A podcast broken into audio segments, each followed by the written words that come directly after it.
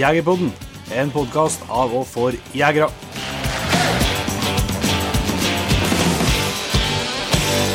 Hjertelig velkommen til en helt ny episode av Jegerpodden, Jon Ingevik. Det er rett og slett, eh, det er rett og slett episode én i sesong tolv. Det er godt nyttår til våre lyttere, og eh, det er vinter. Det er vinter, og det er fint. Og det er starten på, starten på et nytt år med nye muligheter. Både jaktmessig og nytt jaktår. Og nytt år for uh, vår lille virksomhet, da. Absolutt. Så det er jo lenge siden vi har vært på luften. Det er nesten litt sånn uvant å ha en mikrofon framfor seg. Han eh, blir nesten litt, uh, litt bekymra. Vi håper at vi ikke har, har mista. Vi har bevilga oss en aldri så liten juleferie.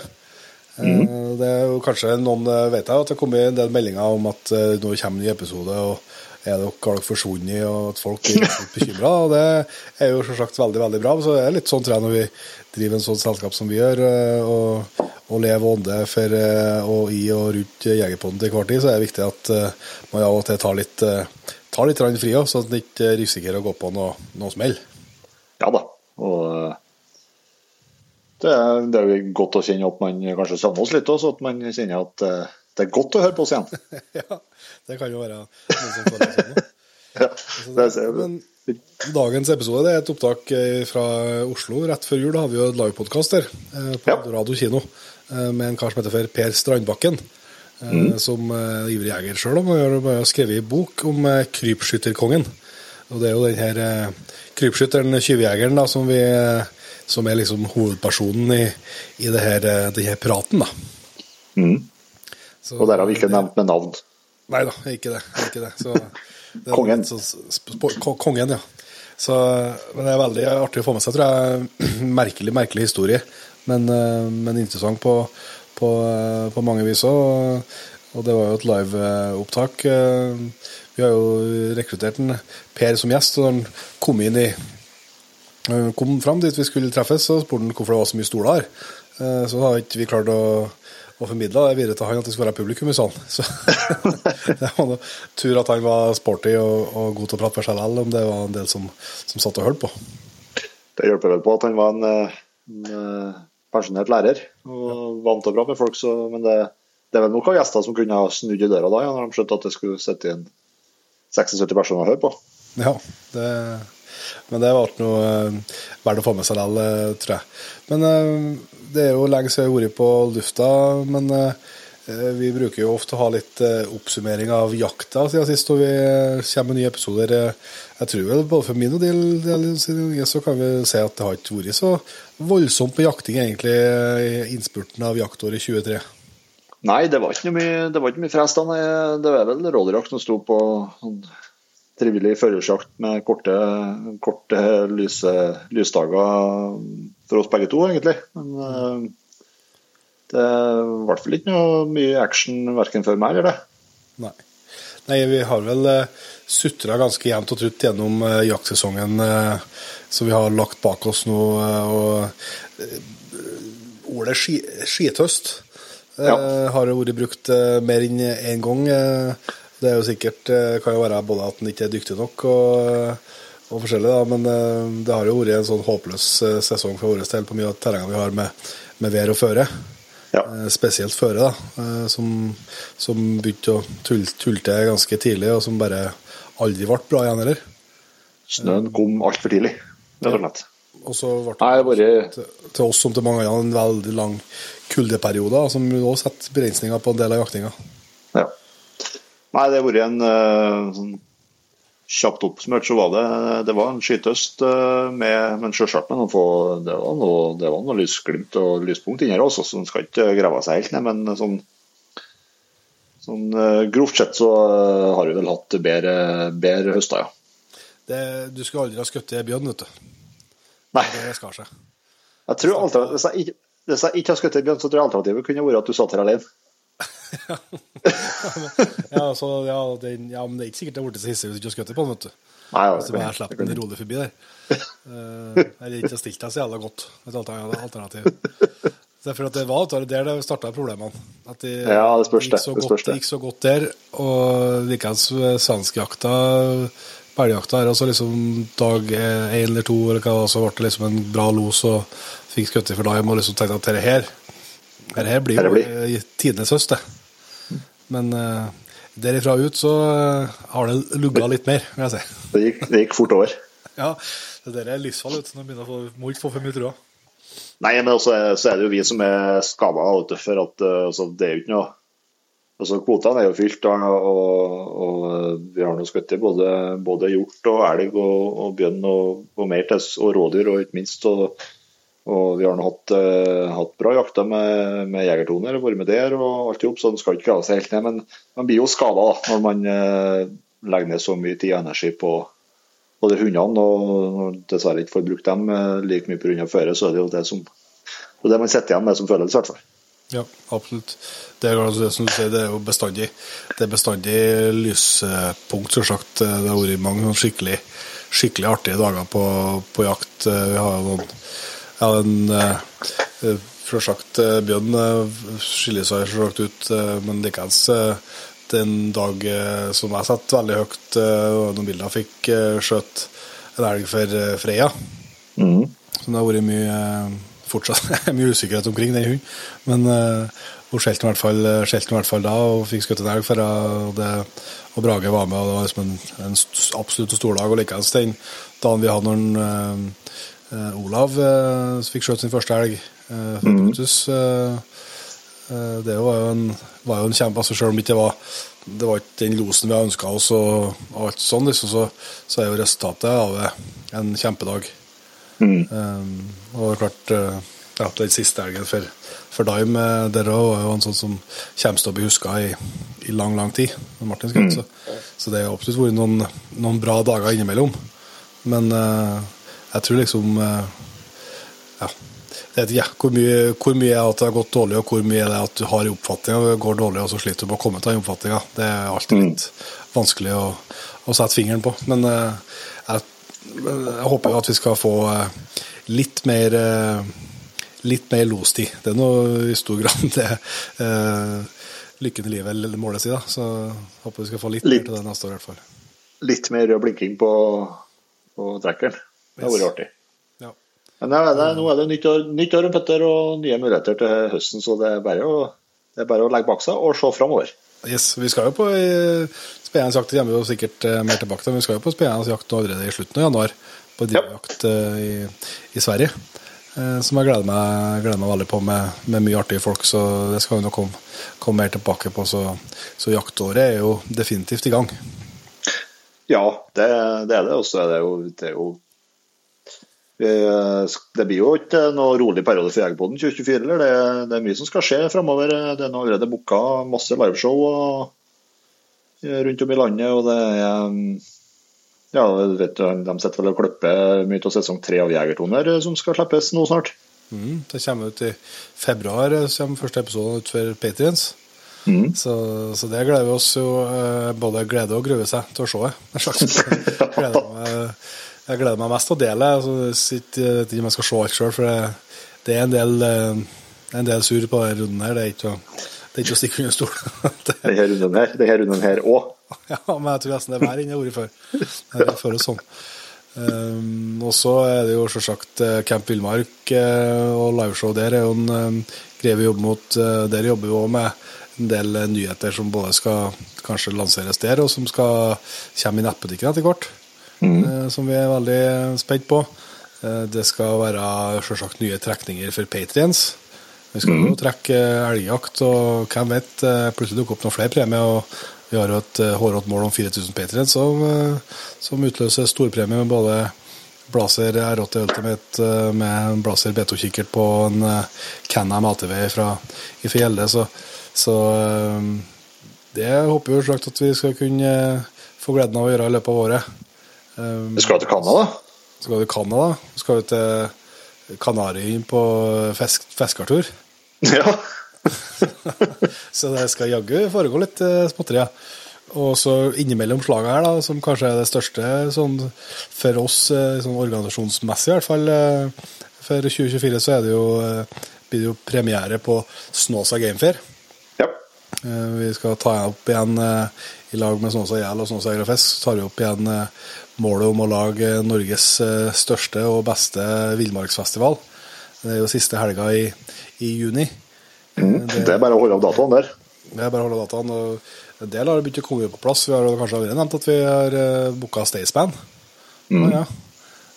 Og det er gjort en del flere bookinger, nå vet ikke helt om de er offentlige, jeg tør ikke helt å, og si hva som er hva. Men vi kommer ikke til å bli skuffa på kveldstid, i hvert fall. Det tror ikke jeg. Nei, det, det i hvert fall budsjettert med musikk som skal gjøre at det skal at vi virkelig håper det kommer folk. ja, må, må komme og skjelle, ja. ja. Så nei, altså, det blir nok et uh, nytt og spennende år for, uh, for Jegerpodden, og vi håper at uh, vi skal klare å, å selvsagt lage x antall gode podkaster til deg som sitter og hører på nå, sånn at du har lyst til å følge oss gjennom hele året. Og kanskje både kan få ny inspirasjon og og se nye muligheter i, i jakta di, og ikke minst uh, fylle på uh, erfaringsbasen for andre dyktige jegere. Ja, også eh, det er en ting jeg har bedre meg merket til nå i jula, at uh, det kommer jo tikkende inn meldinger i innboksene våre fra, fra det er jo, Man setter ekstra pris på når det kommer inn meldinger fra nye jegere. De trenger ikke være unge heller, men nye jegere som, som der vi har vært en del av inspirasjonskilden, og der de har hørt gjennom eh, alt av Jegerpoden på, på rekordtid. Eh, og da blir man jo litt eh, varm i hjerterota og kald på ryggen, skulle du si. Ja, ja. Det, når det kommer, kommer, inn sånne meldinger. Mm. Så det håper vi at vi skal klare å få til å, å, fortsette med så godt som det lar seg gjøre. Og så er vi jo selvsagt som alltid veldig åpne for gode tips og tilbakemeldinger både skryt og ris og ros, som det heter, men, men, ikke minst også tips til, til, potensielle gjester som du kan eh, tenke at det var artig å høre på podkast, eller noen du kjenner i, i bygda di eller nabolaget ditt som du mener hadde egna seg til dette formatet, her, så er vi veldig veldig lydhøre for det. Vi har, vi har ei kjempelang liste, men det er ikke noe farlig om den lista blir lenger, for vi har ikke tenkt å gi oss riktig ennå vel. Nei da, absolutt ikke. Så det kan jo være et uh, lite oppfordring, da. Men uh, vi skal ikke uh, dryge dette noe lenger. Vi, folk har jo kommet for å høre på en, uh, Per Sandbakken og hans fortelling om uh, krypskytterkongen. Ja, kjør på. Tusen takk. Velkommen til Lorado kino i Oslo, hvis dere ikke visste det. Det er jo stort da for to namdalinger som vi er invitert til hovedstaden for å snakke om vår store lidenskap, nemlig jakt. Ja. Uh, vi skal ikke være alene. da. Vi skal ha med oss en gjest. Jeg regner med når folk har rotet seg hit, at de uh, har hørt på Jegerpodden en gang før. Sånn at uh, Da er det jo gjerne en gjest med. Og uh, Dagens gjest og dagens tema Dagens gjest er veldig hyggelig, men dagens tema er jo litt mer omdiskutert, nemlig tyvjakt. Um, jeg tenkte først var i Oslo, så kunne vi jo like godt snakke om tyvjakt som noe annet. Ja, for her, her, er, her er ikke noen folk som følger med. Nei, det, og så er vi langt unna hjem. Så jeg tror ikke vi gjør noe mer nummer ut av det. At vi ønsker kveldens gjest velkommen på scenen. Ta vel imot Per Strandbakken.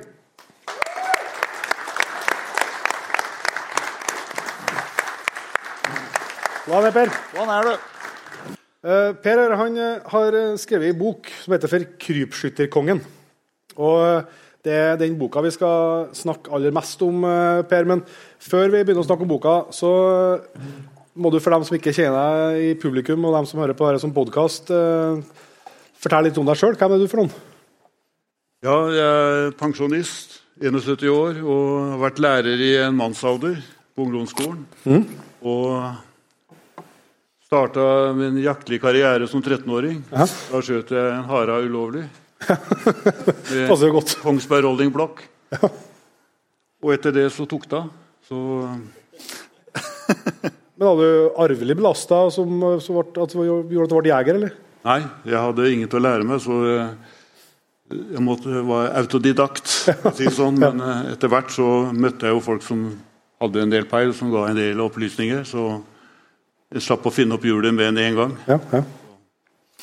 Men uh, Du nevnte haren her som første viltet. og så vet jeg jo at har, interessen har bare balla på seg, og, og du, du, jakter fortsatt. Jaktåret ditt nå i dag, hvordan, hvordan ser det ut?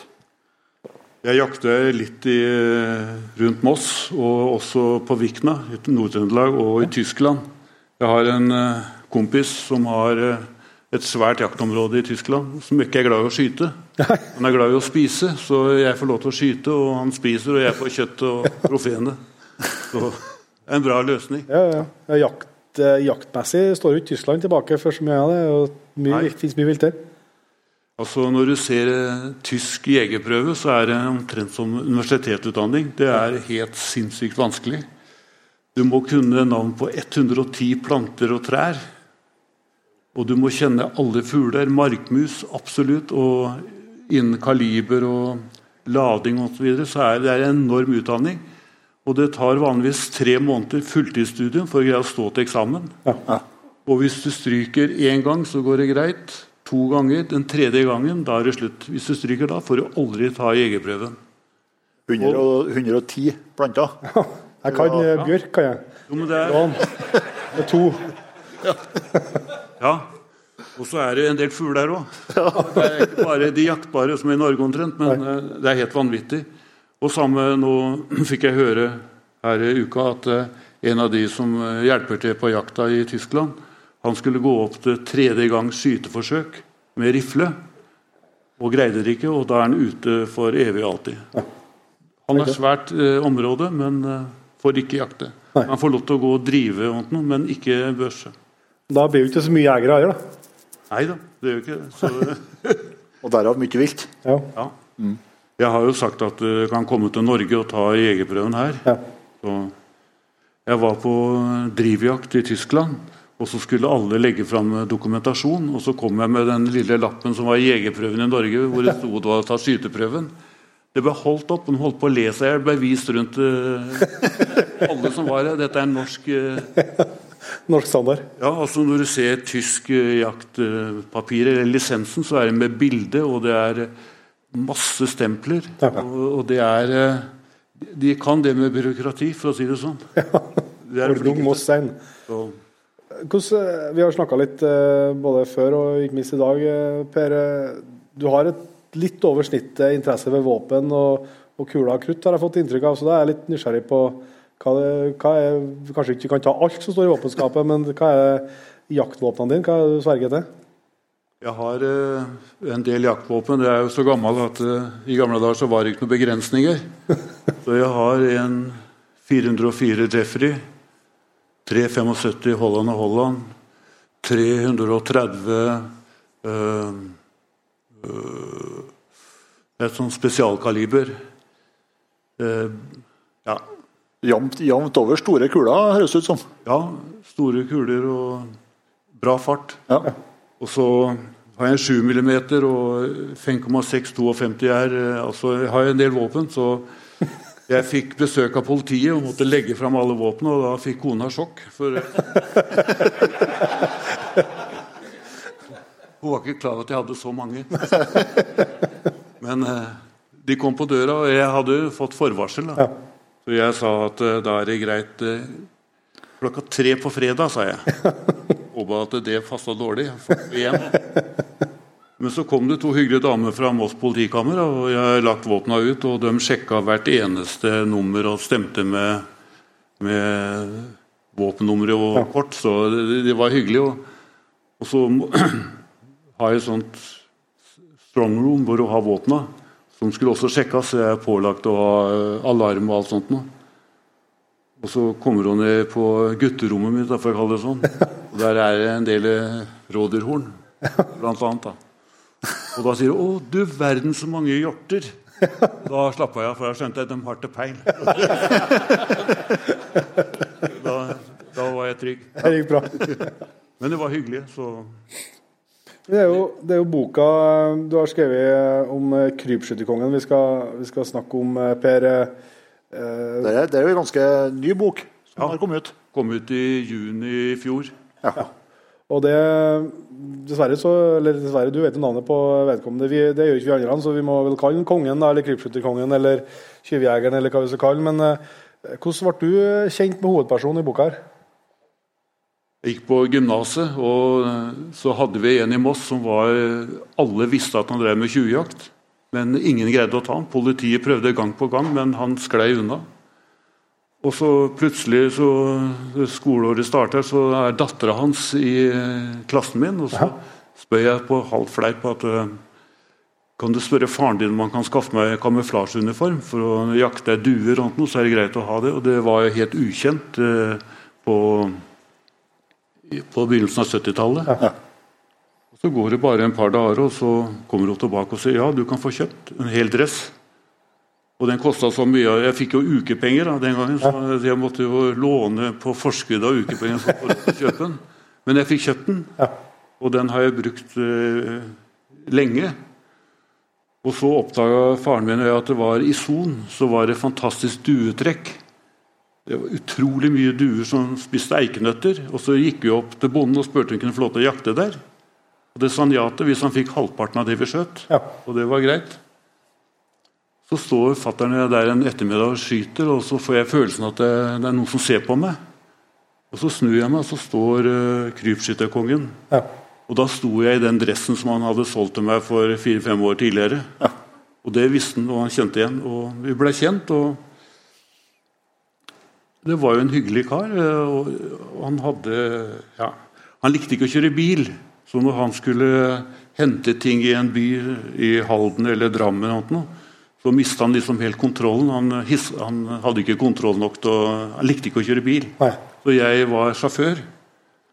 Og så ble jeg sakte, men sikkert mer og mer kjent med han. Og han eh, lærte meg opp eh, en god del ting med, med våpen osv. Så, videre.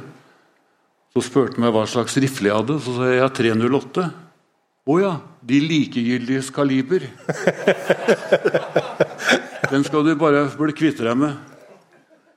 Ja, å, ja, hva skal jeg kjøpe da? Ja, du har tre valg, sånn. Det er eh, 300 Windmag, 7 mm Remington Magnum eller 308 Norma Magnum. En av dem må du kjøpe hvis det skal bli noe tak på det. sånn at hvis du kjøper 7 mm Remington Magnum, så kan jeg hjelpe deg å lade, og du skal få hylse meg, for det har jeg, og det, det gjorde jeg. Og jeg kjøpte en Steyr Mannlicher, solgte 308. Og så skulle vi skyte inn dette våpenet her, og han eh, Dette er altså en ekspert som kan så mye om jakt og så mye om kaliber at eh, det er helt ufattelig, egentlig. Men da jeg skulle skyte på blink, da, så var holdet nøyaktig 225 meter. Og da var blinken eh, et eh, A3-ark. Og da stelte han seg to meter til sida for blinken på 225 meter, og så ba han meg å skyte. Han, han gadd ikke å gå fram og tilbake og anvise. Og jeg må si det at eh, jeg syns jo det er veldig skummelt å så skyte når folk står eh, Og jeg Grunnen til jeg kjøpte Grunnen til jeg kjøpte Steyr Mannlicher, er at jeg har snellert. Og det er jo en eh, veldig fordel hvis du skal skyte langt og presist. Så jeg var nervøs hver gang jeg skjøt, men det gikk bra, da, og han var fornøyd med innskytinga. Og... Men det er første og siste gang altså, at jeg skyter på blink når folk står ved siden av blink. Det... For for du prøvde å få han til å flytte seg òg? Nei, han vil ikke det. Han, eh, det holder med to meter, sånn. Det greier du.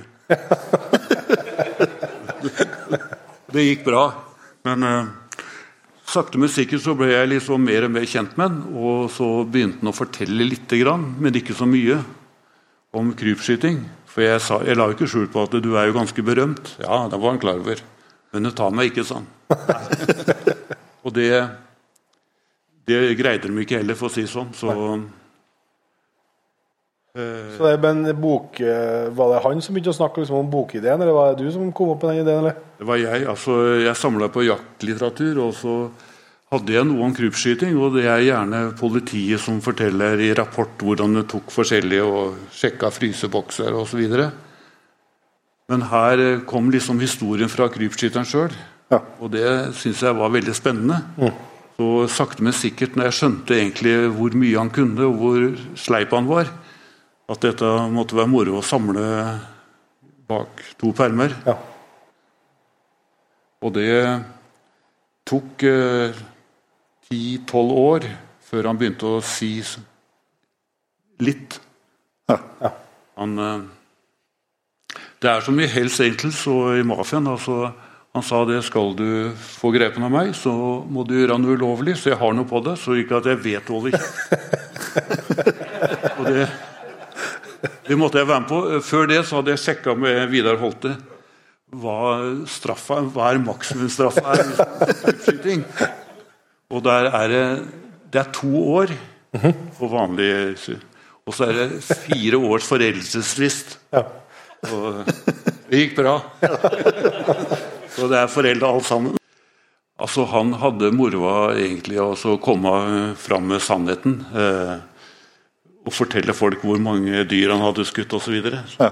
Og det Han kunne ikke godt gjøre det sjøl. Så sa jeg at det skulle vært moro å skrive bok om det, og og alt du har gjort. Og det modna tanken eh, ja, på sikt. Og så sa han til slutt ja, det, jeg skal, skal få lov til å få greie på en del. Og det Han planta opplysninger Han ga meg ting som sa det må du holde kjeft om. Fordi at eh, det kommer bare Du får høre det, men det skal ikke spres videre. Og det sa jeg ja til, og jeg holdt kjeft. Det jeg ikke visste, var at han sjekka faktisk med dem det gjaldt, om jeg hadde åpna kjeften eller ikke. Så han la ut sånne feller for å vite om at jeg holdt hva jeg lovte. Ja. Så, Men det eh, begrepet altså, krypskyting eller tjuvjakt, altså, det er jo eh, det er jo mange elementer i nå. Det er jo ganske romantisert. liksom med, med liksom, Det vet jeg det finnes historier fra våre sentrakter òg, med, med folk som man visste tjuvjakta, men som eh, ja, det kunne henge et elglår på, på trappa til en uh, familie man visste hadde litt trangt, og, og, sånn og man kanskje og, Det var en sånn klasse, klassekamp òg. men det, han typen her er jo litt, det er jo litt annen, litt annen kategori. Ja, altså jeg delte krypskyting inn i tre grupper. Den første er den tilfeldighetskrypskytteren. En som er ute med rifla på bukkejakt, og så kommer det en elg eller en hjort, og så skyter den. Og idet dyret detter, så Søren, hva gjør jeg nå? Ja. Og den blir tatt.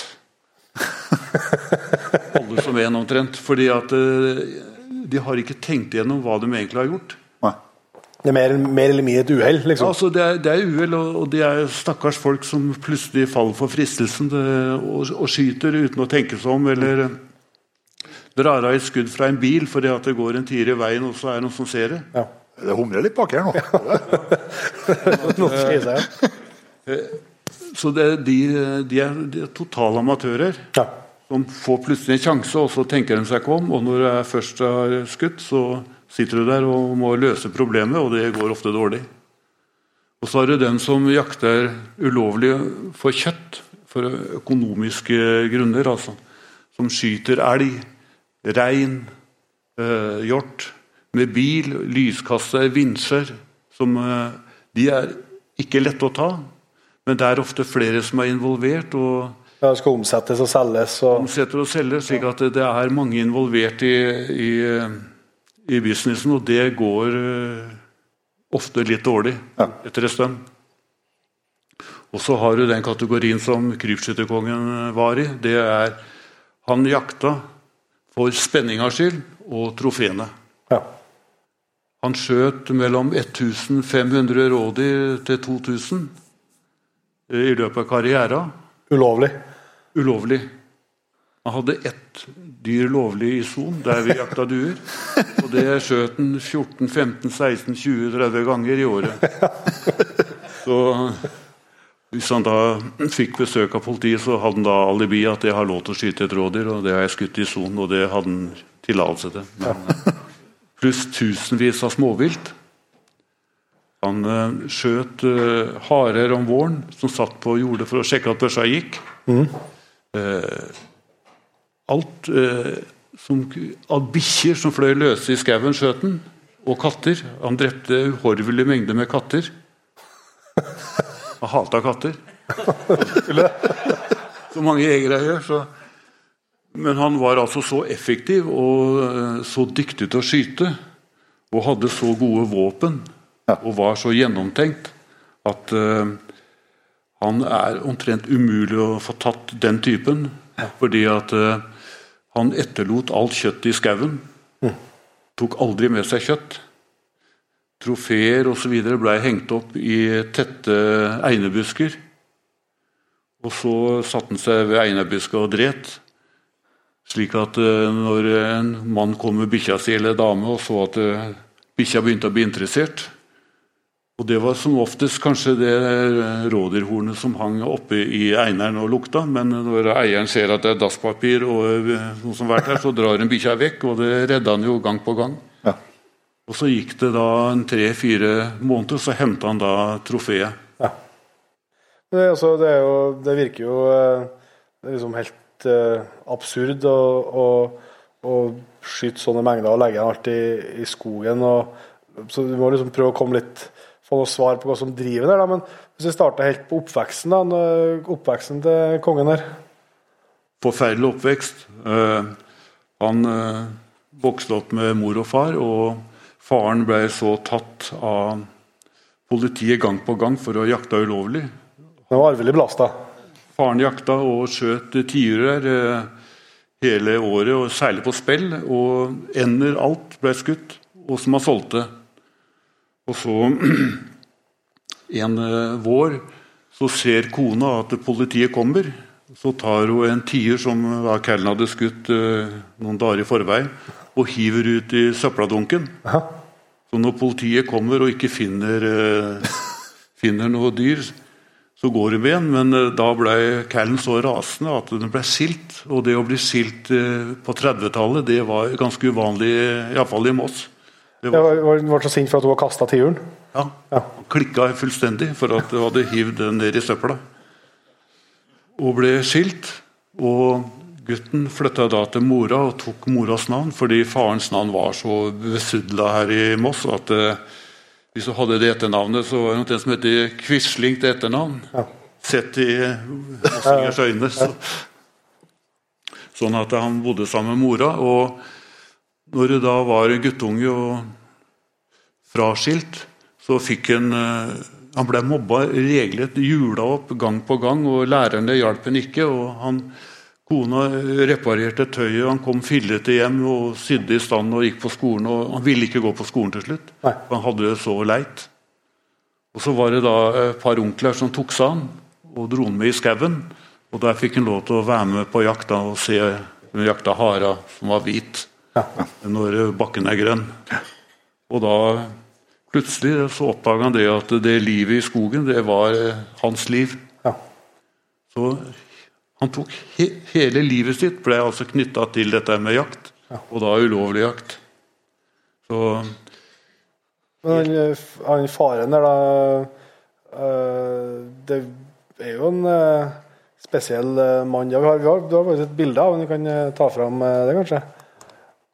det er er faren. Det er åtte tiurer som er skutt på spill. Ja. Med ikke alle papirene i orden heller, kanskje? Det var ikke lovlig, det. sånn at eh, eh, Det er ikke ofte du ser et sånt bilde. Og, men han eh, kjente hele området og var selvfølgelig en veldig dyktig læremester. Ja. Og han dro jo med seg sønnen sin. ja, For de fikk kontakt igjen eh, etter noen år? Ja, Under krigen så, så møtte han faren sin, og da han traff faren og faren skjønte at det var sønnen hans, så kom de veldig nært og han tok seg av sønnen sin. Ikke, han brydde seg ikke om sønnen sin idet han ble skilt. Nei. Og han hadde jo bare en mor som hjalp ham, men for å greie å overleve rett og slett eh, den tida der, så drev han med fangst med doner eller eh, snarefangst eh, av trost og sidensvann sånt, sånn som han spiste. Og så eh, ved hjelp av onkelen så fikk han kjøpt seg salongrifle, som eh, han brukte da til å skyte småfugl og diverse. Du ser jo eh, våpenet til faren på bildet her òg. Det var pumpakeren han ville ha. Winchester modell 12 det var verdens beste børse. Syv skudd i våpenet, og så kunne du dele det. og Faren var ikke akkurat lang, men han hadde sydd seg noen spesielle bukser som han hadde løp i det ene beinet, og så hadde han kolben i det andre beinet. Så kunne han gå uten at det Ja, det så kanskje litt rart ut, men uh, han kom seg gjennom terrenget terreng og fikk jakta. Så Men i motsetning til, til sønnen, så han blir, eh, han blir tatt med jevne mellomrom.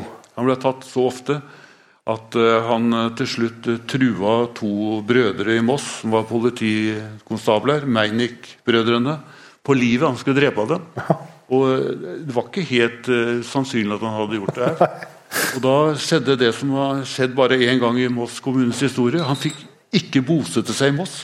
Han ble tvangsflytta ut fra Jeløya og til uh, to meter på andre sida av grensa i Vestby, på Kambo. Der fikk han sette opp hus, for da bodde han ikke i Moss. Man fikk ikke lov til å Når jeg holdt på med boka, så fikk jeg greie på eh, litt opplysninger om faren. fordi at eh, faren hadde ett bein som sto ut til venstre. Og så fort det var sporsnø eller leire, eller noe, så så disse brødrene Meining da, at en som har sånn Chaplin-fot, da vet du hvem som har vært der. Så dro dem hjem og fant uh, dyr og ble bøtelagt og bøtelagt og bøtelagt. Og fratatt våpen og måtte uh, få tak i nye. Så Nei, Han ble tatt uh, under krigen, han. Under krigen så visste jo gode nordmenn at han var ikke helt god. Han eh, drev fortsatt med ulovlig jakt under krigen. Etter Genévekonvensjonen, hvis du har våpen etter et land har kapitulert, så er det dødsstraff. Ja. Men det tok ikke han så tungt. Han hadde ei lita hytte på Jeløya, og dette var jo før han ble kasta ut av Moss kommune. Ja. Og så en morgen eh, i, helt på, i 45, i, i april 45, så merker han at det kommer folk rundt uh, uh, hytta hans. Han bodde veldig primitivt. Så så han at det var NS-politi og uh, politi. Så hadde han gjemmested for hagla, den her. Den greide han å gjemme, og så ble han kommandert å komme ut. Men det ville han ikke. Så gjorde han noe så idiotisk at uh, han hadde egen hemmelig utgang. Så han storma ut av den, bak hytta. Og da var det altså en av de NS-politifolka som dro løs hagleskudd på han med grove hagl og traff han. Så han havna på Moss sjukehus, hvor hun pelte da hagl ut av eh, baken og ryggen på han. Men han, da krigen kom, så var jo han da krigsskada. Da krigen var ferdig, ja. ja. Ja, for han, altså, han var jo på rett side, men Ja. tyskerne og NS hadde skutt han. Så da fikk han en liten eh, pensjon som gjorde at han kunne jakte ulovlig resten av livet. Det var, det var sikkert akkurat det det var ment til. akkurat han trengte, for da, da måtte han ikke jobbe. Og det ille er at eh, vedkommende var egentlig arving til en veldig flott gård på Jeløya Ja. i Moss. Vir, virkelig flott gård. Og han sa det at eh, 'jeg er ikke født for å grave i jorda', så det han frasa seg arven mot å få lov til å jakte til evig tid på det terrenget som han da Ja. overlot til andre i familien. Men altså, du sa det var dødsstraff for, eh, for våpen. eh, Men det stoppa jo ikke faren med å ta med sønnen på jakt under krigen likevel. Ja, eh, Han dro jo med seg sønnen sin helt på slutten, da han var 14-15 år. Og det var med livet som innsats. Ja. Fordi at Først måtte de da ro fra Jeløya med en sprukken pram over Mossesundet og inn til Kambolandet. Og Der lå det en båt, en tysk eh, jager, som lå med lyskasse for å, hele døgnet. Ja. Og sjekka at ikke det kom eh, ubåter eller dykkere eller noe inn i kanalen og inn i Moss. Ja. Og da måtte faren liksom beregne når lyskasseren eh, kom. Så måtte hun ro som en gal, og så måtte hun slippe seg ned i båten, og så ro igjen da hun forsvant. Og når hun kom opp på andre sida, så måtte hun gå på jernbanelinja, for alt annet var minert. Men når hun gikk på, mellom jernbaneskinnene, så var hun sikker på at det der er ikke noen miner, for tyskerne var jo avhengig av, av transport. Ja. Og når hun kommer da til Kambo, hvor det var eh, et verksted som reparerte flymotorer, og det var en ganske stor eh, tysk eh, ja, avdeling, så hørte hun tyskerne prate og hoia idet de gikk liksom, på skinna mellom husa. Ja. Kom de forbi dit, og så greide de å hoppe av skinna, og der faren visste at det ikke var miner, og unngå å tråkke på en eh, nysnø og noe og kom seg innover i terrenget, og så detter jo sønnen i- i bekken når hun skal over en bekk. Og Det er i april, og det var iskaldt. Det var jo kalde vintre under krigen. Og han blir gjennomblaut. Kliss gjennomblaut, og alt fryser til is. Men hun kunne ikke gjøre opp bål. Fordi at eh, tyskerne må Moss lå så nære grensa at der var det ofte patruljer som gikk om natta. Ja. med, for å få tak i ikke minst hjemmefronten eller jøder som skulle til Sverige. Så de måtte bare, måtte bare ligge og fryse, rett og slett. Ja. Og så finner de eh, et sted hvor de visste det var eh, tier som spilte, og fikk skutt en tier. og vokta da om det kom noen, fordi at eh, faren var lommekjent i terrenget. Fullstendig. Og det er der han har skutt det meste av tiurene på det bildet her. Men det kom ingen tyskere, og natta etter så var det å gå tilbake samme veien og over eh, vannet og tilbake dit. da. Men da hadde de en tier. da. Men hadde han blitt tatt, så hadde han eh, på 14-15 år blitt henretta, uten tvil. Ganske tøft gjort å ta med sønnen på det. Ja, altså det er jo det er skikkelig opplæring iallfall. For du har, eh, da følger dere med i timen hva som skjer. Hvis vi eh, går videre på noe som er viktig både for eh, far og sønn, selvsagt, men det er jo selve kongen vi skal det er jo våpen her òg. Han, han hadde jo litt uh, ulike våpen, men bygd på samme base etter hvert. Ja, alle våpna han hadde uh, etter eh, 1955 det var, Alle var bygd på kaliber 20 Beretta Folding, eh, enkelløp og hagle. Som eh, du kan Hva ser du her? Ja, det er salongrifla. Ja, det er salongrifla. Ja, og der, eh, Den kan du folde sammen, og så kan du bære den under jakka uten at noen ser den. Og han har eh, tre kuler i, i, i, ja, i lageret der, og den øverste den eh, var den sterkeste. Den smelte Når han skjøt med den, så smalt den. Men hvis det var en virkelig stor bukk som han gjerne ville ha, så ofra han heller det og fikk det smellet, enn eh, enn å skyte da med eh, det som var redusert, som ikke ga noe lyd. Ja, for han skjøt med under, underlyd, eller Ja, han prøvde å teste fire-fem forskjellige slag av, av underlydsammunisjon. Ja. Og Lappua og RVS var det liksom han brukte mest. De kan du skyte i lyddemper uten at det kommer noe lyd. Ja. Og Men det er ganske bra. så her er, jo- her er jo mange år siden, men også i dag ser jo alle løpene sånn ut med lyddemper frampå. ja, problemet er at eh, når han folda sammen våpenet, så måtte kolben og pipa være like lang, slik at det ikke stakk ut eh, Ja. et pipe eh, eller noe av kolben når han bar det. Ja. Sånn at eh, eh, det, det var kappa og gjort eh, skikkelig arbeid, og det er børsemaker Krohn som, hadde, som lagde våpna. Ja, for det, det er fast børsemaker, forstår jeg. For kongen, han Krohn, er jo seg sjøl en historie, han, eller? Ja, Krohn eh, var ikke børsemaker, han var veldig nøye på det, var instrumentmaker. Sånn at, eh, han ble fornærma hvis du sa børsemaker. og Han bygde våpen, uh, ulovlige våpen, og solgte masse våpen. Hadde butikk i uh, Ikke i uh, Drammensveien, men eh, en av de gatene rett Ja, det er i Oslo her, ja. Ja, ja. og hadde masse annonser i, i jakt- og fiskebladene, særlig jakt og fiske til Norges Jeger og Fisk, for kikkertsikter. Han var den første som importerte Kales kikkerter. Og Kales var de beste kikkertene eh, den gangen. Og Krohn solgte jo kikkerter til, også til Forsvaret.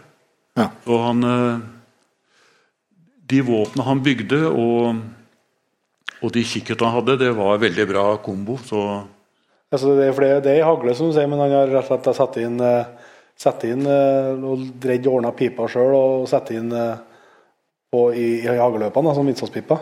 Ja. Han dreide ned pipeemnet og satte inn kappa hagleløpet og tredde det inn. Og limte det, tror jeg. Ja. Og lagde utdrager. Og han ville bare ha patroner med rand, altså randtenning, fordi at utdrageren fungerte mye bedre når det er en randpatron enn om det er en vanlig 6,5 eller 8. Ja. Men ville aldri prøvd noe halvautomat eller, eller noe pumphagl eller noe sånt? jo, han hadde pumphagl, men eh, det, det laga mye lyd. Ja. Og eh, han eh, ble, ble mer og mer interessert i å skyte firbeinte enn fugler. fugler. Og han gikk for eh, Så det er det er et annet kaliber som er mye omtalt i, i boka 25 Ja. 35. Det er 25-35, eller eh, på tysk heter det 6,5-52 R. Det, det er eh, en sånn vanlig drillingpatron og riflepatron i enkeltskuddsvåpen. Og det er jo kjempedyre patroner. Altså, de, koster, kosta så mye at eh, eh, Ja. Det, de var eh, vanskelig å få tak i, og eh, de var særdeles dyre sammenlignet med vanlig ammunisjon. Så alle de her er, i de pakkene så er det bare det er 20 skudd i alle sammen. Og han lada ikke 25-35 fordi at eh, det var ganske vanskelig patron å lade, syns han, så de kjøpte den ferdig. Ja. Og når han kjøpte inn, så kjøpte han altså i et sånt antall at folk fikk jo sjokk. Fordi at det var så dyre patroner at de fleste hadde nok med å kjøpe pakke. Ja. Og han kjøpte da en haug med pakker. Så, Ja, for at han, Når han først har funnet noe som fungerte, så ville han være sikker på at han hadde. ja, han ville ha sikkerhet, at han hadde nok ammunisjon, og så skulle alle være samme lottnummer. Ja. Slik at han slapp å skyte inn eh, hele tida. Så det våpenet brukte han så mye at det til slutt kolben brakk av tretthet.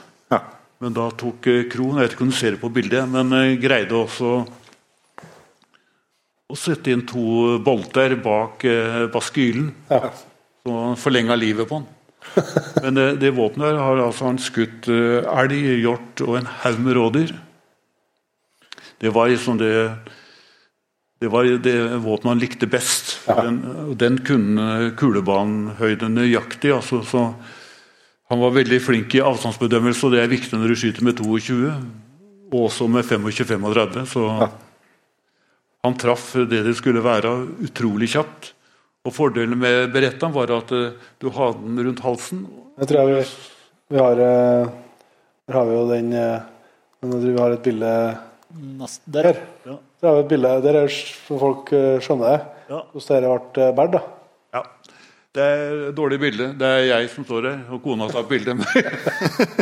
men altså, eh, jeg tok ikke ut fôr av jakka, men eh, normalt så så du ikke noe som helst når du møtte vedkommende, og han hadde børse under der. Det var ikke mulig å se. Og så var det bare å ta opp jakka, og så var børsa klar, og bare skyve inn patron, og så skjøt du. Ja. Så var det en annen, et annet bilde av henne på der. Er ja. Eh, Nei, neste. Neste. Der, ja. Ja. Altså Hvis han skulle forflytte seg veldig fort, så tok han eh, salongrifla eller 25-35 eller våpenet og bretta sammen og jakka sånn og eh, stakk av gårde. Ja. det aldri var For det, det, det er lettere å forflytte seg fort når du har den i handa enn du har rundt Ja. halsen. For det, det er som å ha et lodd rundt nakken. ja. Men brukte aldri kikkert.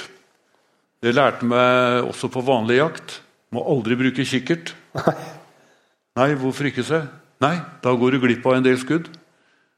Du ser oi, det var et flott rådyr, og så legger du under, og så flytter rådyret seg, så får du ikke. Så han brukte alltid rifla, om det var mennesker eller hva det var, for å sjekke, så det er alltid rifla klar, fordi at eh, den, ja, den- sjansen får du én gang, og hvis plutselig dyret forsvinner, så får du ikke skutt. Det er helt, helt etter jegerprøveboka. Han brukte aldri kikkert, håndkikkert, bare riflekikkert. Ja. Så, Det må tidlig ut med riflekikkert, da. hva sa du? Han var veldig tidlig ut med å begynne å bruke Ja, riflekikkert. da. han eh, begynte veldig tidlig pga. kunnskapen om Dankert Krohn. Ja. Og det var faren hans som uh, satte han i kontakt med Krohn. Så, men det var ikke noe billig fornøyelse. Altså, eh, et sånt våpen som det her kom på fort vekk 1,5 netto månedslønn. Ja. Så det var ikke sånn du kjøpte Først måtte du kjøpe hagla, og den ble kjøpt av en annen person. Og bestilt i en annen butikk, slik at det ikke var noe forbindelse. og Så ble våpenet levert til Krohn, og han bygde da eh, børsa. Ja, for Krohn han tok på seg oppdrag litt på begge sider av streken. han kanskje. På begge sider. Han gjorde en god del oppdrag for eh, østblokkland. Han var veldig kjent. eh, Han bodde jo i det ambassadeområdet i Oslo. og Flere av de DDR-ambassaden og et par andre de hadde lite penger, de gutta som jobba der, så de betalte med brennevin. Sånn at eh, Jeg har hørt noen fortellinger om kjelleren til Krohn var så full av brennevin, og bare av dyrt brennevin, fordi det fikk ambassaden billig fra Vinmonopolet, betalte uten avgifter, og det betalte så, Men Krohn han, han var ikke noe særlig glad i brennevin. Det eneste han drakk av alle ting, var bananlikør. Det var det han likte. og det er jo det, Hvis du har dårlig hjemmebrent, så er jo bananlikør det siste du bruker. Bananlikør og banankake, det var det Krohn satte pris på. Det er et utstyrs... eh, Det hadde han alltid med seg når han var på jakt. Han var nøye på Han hadde to eh, lys, ett rødt og en vanlig le- LED-lampe.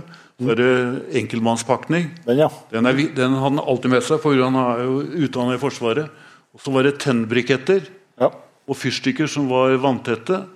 Og så var det sjokolade. I tilfelle det ble stress, så måtte han eh, få litt eh, rivstart på turboen. Og så er det tauet. Det var blått eller svart tau i nylon, som var veldig viktig når han skulle trekke dyra av jorder eller eh, gjemme ting oppi busket. Ja. Og så er det Hunter. Den eh, var han veldig glad i. Det var den beste kniven. Brorslett og Hunter. Ja, fordi at den eh, var så vanlig. Du kan jo med spor på kniven eh, finne ut en del Ja. ting. Men Bruseth og Hunter solgte dem jo overalt. På bensinstasjoner. Og, så det var en trygg kniv å ha. Og så Da var det, hatt en, spes en spesialkniv, altså som er veldig sjelden. ja, Da hadde det vært ja, det torde han ikke. Han hadde jo det til pynt, men ikke med seg i skauen. Og så var det da kompasset, som han alltid hadde. Og så den eh, øverste, der er sittepute. Det er et ganske sånn tjukk eh, vegg-til-vegg-teppe. som han limte på eh, et vannavstøtende stoff. Eh, Plastikk ja. noe. Så da så hadde han eh, snor rundt maven. Så den hang alltid på. Så hvor han enn satt seg, inn, så satt den mykt og godt og tørt. Ja. For det er mange steder du måtte huke deg ned og for å slippe da å finne fram en løs pute, så hadde han alltid den rundt maven. Ja. Som han seg rett nedpå. Ja. Hvis eh, vi går litt eh, inn på, på jakta hans, da. Altså, eh, han, eh, leser boka, så, så er det jo Han gjør jo en del rutiner i forbindelse med å starte en jakt som ikke er vanlig. Det var ikke bare å, bare å gå ut, selvsagt, når du var ute i sånn oppdrag som han var. Nei, altså Han eh, var så gjennomført at eh, en halv time før han eh, dro på jakt, så gikk han ned til bilen, sjekka området, om det var noen der. Og Dette er altså en person som har vært eh, Politiet har prøvd å ta eh, over lang, lang tid. Ja. Og så at alt var normalt. Og så bar ned våpenet som han gjemte i bilen.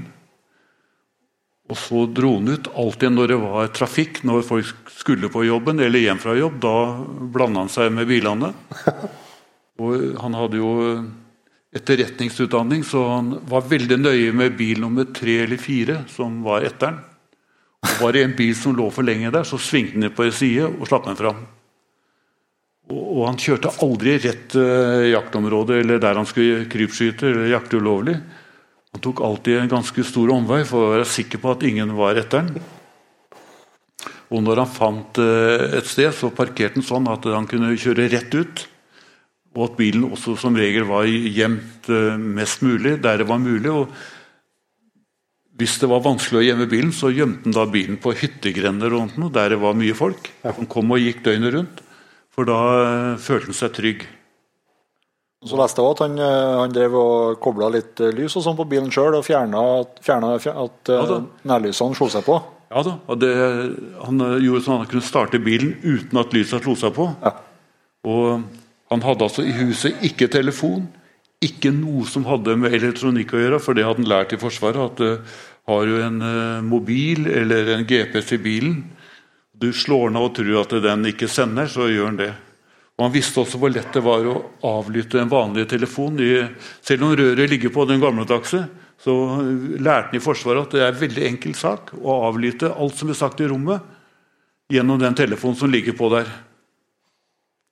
Og Det samme er jo faktisk i dag. Det er altså Hvis du har en smart-TV, så er det veldig lett for noen som er litt stygge, å avlytte og se hva som skjer i rommet.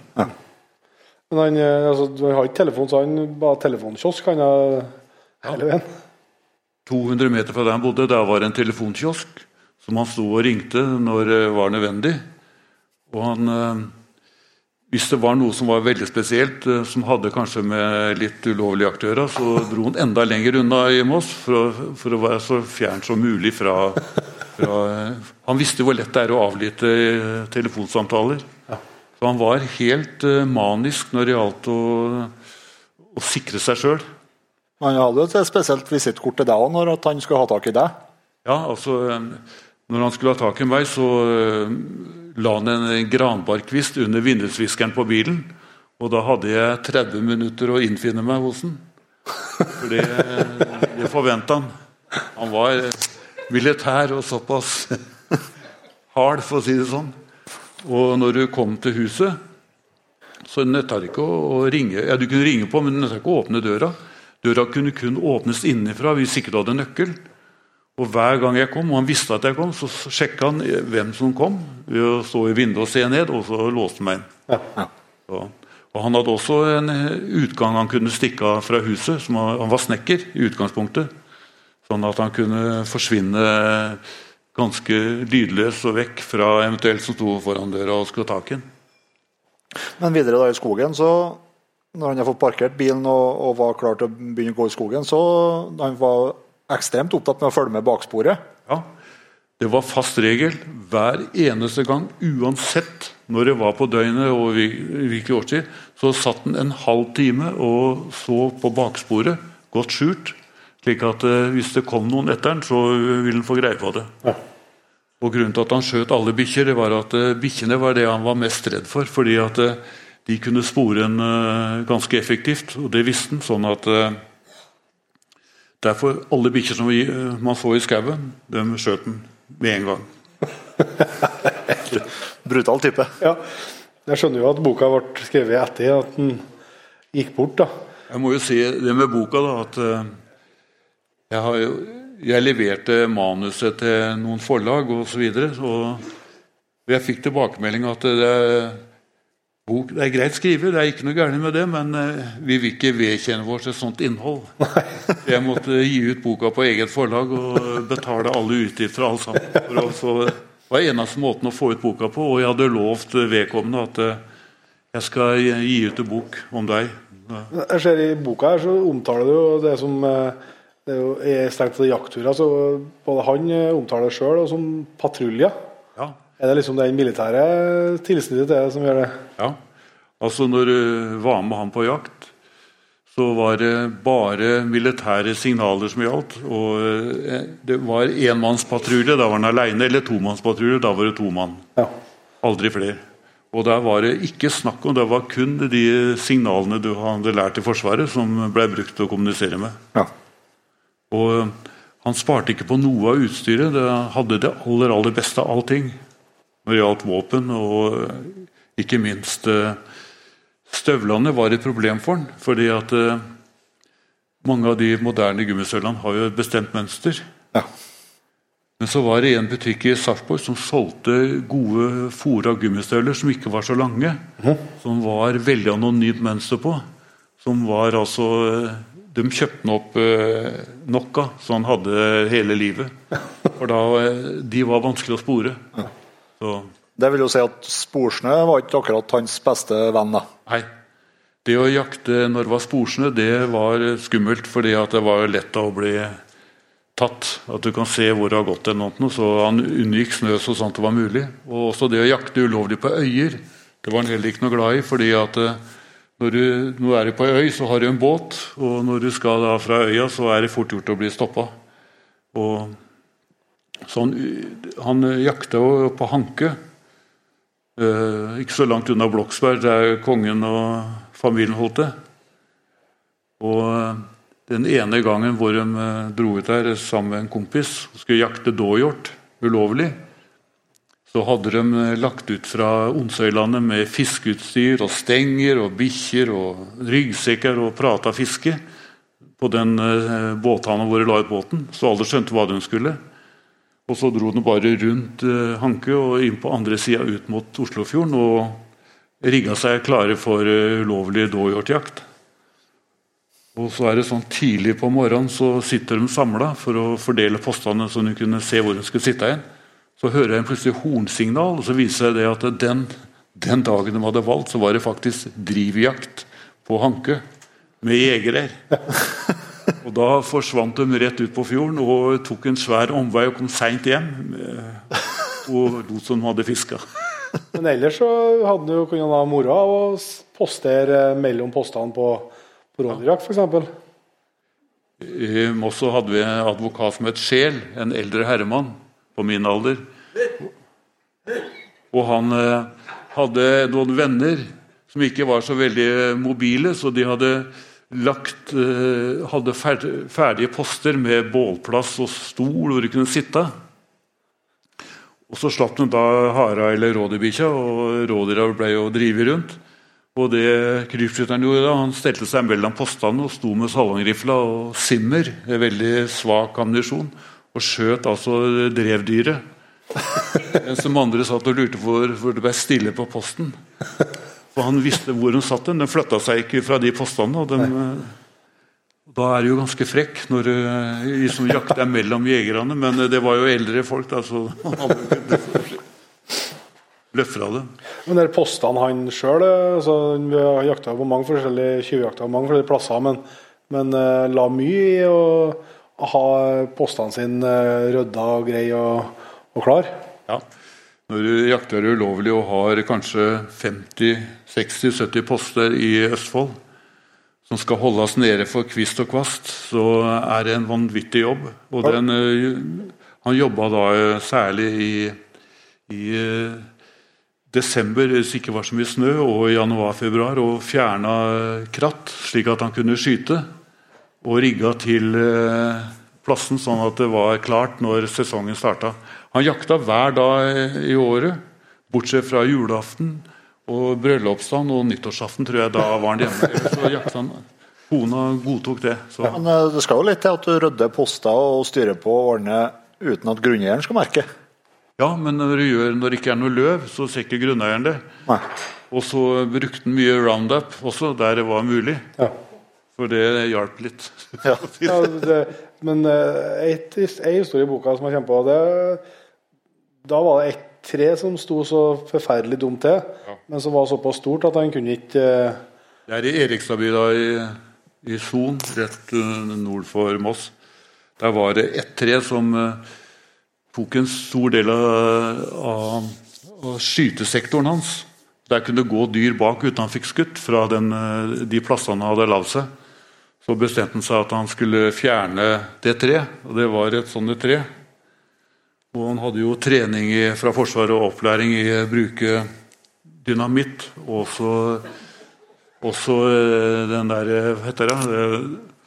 Du har, ja, det, Den te- te- ja, du har altså dynamitt som er lagra med stor. Og det hadde han, eh, når han var på kurs, så hadde han lånt litt av Forsvaret. Så hadde, hadde noen meter av det.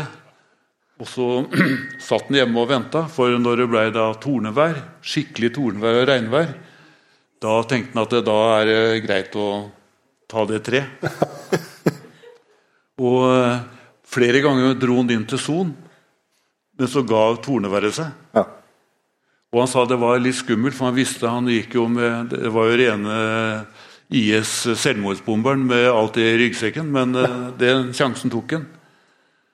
Men en dag så slo det til. Da kom et forferdelig tornevær fra sydfra, og det lyna og tordna. Da tok han eh, den eh, detonerende lunta og la en par ekstra kveil, for å være helt sikker, og tente på.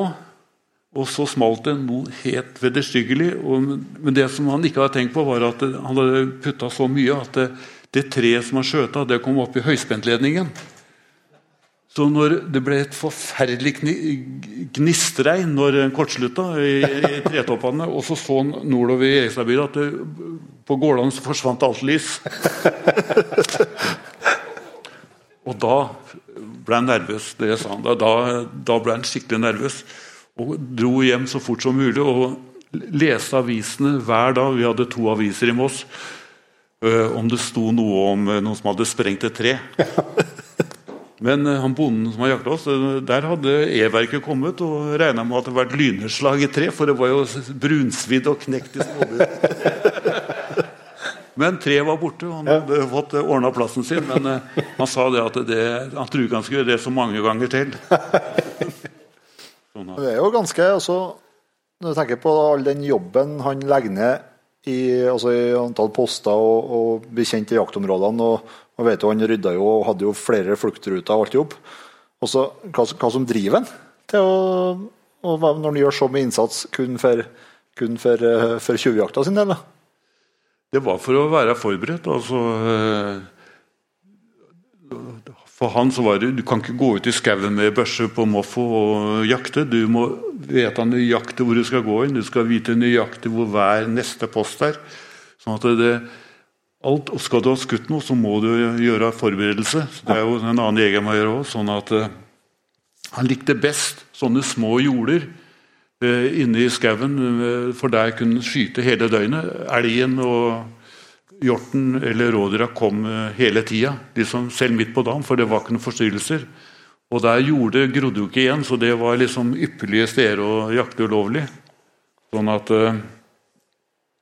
det var eh, en favoritt, men som regel så måtte han hogge og rydde og lage sytesektorer og forberede der posten. Og han hadde fast eh, regel at enhver post måtte ha minst en annen utvei hvis det kom folk Ja. som ikke Som ikke skulle komme. ja, altså du, Hvis du hadde bare én vei inn til posten og én vei tilbake, så var du ferdig. Så han hadde alltid to post, eller, eh, en annen mulighet til å forsvinne. Og han brukte mye tid om våren å plante grantrær rundt postene sine der det trengtes, hvis det var åpent. For da hadde han dekning. Og han, når han var i skauen, så var det akkurat som et, eh, et dyr. altså Han var så anspent og i helspenn at eh, han slet mye med skallebank eh, hele livet, rett og slett, fordi han kunne aldri helt slappe av. Selv når han var hjemme, så visste han ikke når politiet kom på døra og ville sjekke frysere eller våpen. Nei. Men det virker som det er ja, om det er adrenalin eller eh, altså det er noe for jeg jo, Vi nevnte jo eksempelet at vi posterte mellom andre, andre jegere på ordinær jakt, men, men også liksom, det er jo historier der en eh, skjøt fra verandaen eh, på, der en vet det ligger folk på innsida og sover. Ja. I Son så var det hytte, koselig lita hytte som var bygd antagelig rett før krigen, hvor det var en veranda. Og den verandaen lå veldig fint mot noen jorder langs veien der. Og der satt altså krypskytteren på verandaen på stolene og hørte at ekteparet lå innafor og snorka.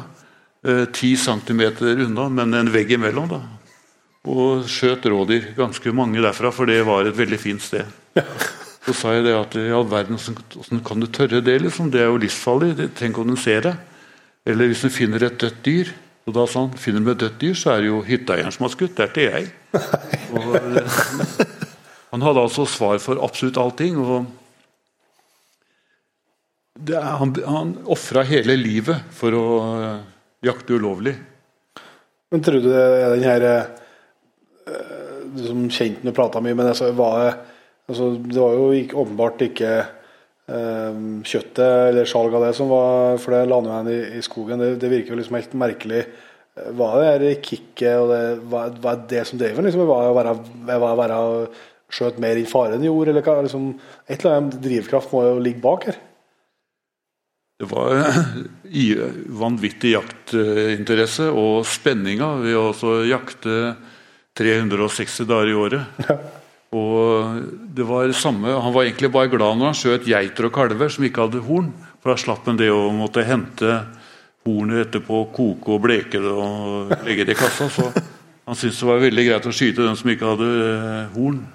For da ble han spart for jobben. Men eh, han skjøt altså hele tida. Eh, jeg sa til henne nå har du blitt så gammel og skutt så mange dyr at det ikke er Blir du ikke mett? Og da spurte han meg mener du at jeg begynte å bli gammel. Nei, jeg mente ikke det. men... eh, Og det året så skjøt han ny rekord. Da skjøt han 48 rådyr. Bare for å vise seg sjøl og meg at eh, Jeg var ikke gammel. ja, jeg, jeg er ikke gammel. Men det var, det var rådyr som var favoritten av den du jakta mest på. Ja, altså Han jakta på det som kom. Ja. For å si det sånn, det, Han skjøt eh, akkurat det som passa seg. Og, så, Det var jo i Alaska med han eh, børsmakeren eller børsinstrumentmakeren sin? da? Ja, dette var på jeg tror det var på, helt i begynnelsen av 70-tallet, når det ikke var guidetvang i Alaska. Mm. Da var han med Krohn, børsemakeren som lagde våpenet hans, eh, for der hadde Krohn en hytte. Og Krohn eh, eh, ba med seg han her. Da. Og når hun kom da til Alaska, så trodde jo vedkommende krypskytter at det her er en normal hytte, men hytta var jo bare et plankeskur. Og så hadde det kommet inn noe ekorn eller, videre, eller bjørn som hadde rasert hele hytta. Så det rant gjennom taket, og det var skikkelig kummerlig. Ja. Men eh, han var jo snekker, så han greide jo ganske kjapt også å få gjort det beboelig sånn noenlunde. Og når hun skulle jakte, så hadde han jo håpa at Krohn skulle vise hvor han skulle jakte en. Men det gadd ikke Krohn. Krohn ville jakte sjøl og sa ingenting. Bare si 'finn deg en plass og jakt'. Og de skulle jakte svartbjørn. Og ulv var tanken der, for å var om våren. Og vedkommende fra Moss da, han eh, begynte da å gå i terrenget, og det var jo nesten uframkommelig. Det var så mye vier og busker og kratt. Ja. Men han hogde seg fram. Eh, han skulle jo være der i tre uker. Og Så fant han eh, til slutt en sånn fjordarm hvor det var ganske stupbratt ned til vannet. Hvor det rant en, en elv ute i enden, eller i bunnen av bukta.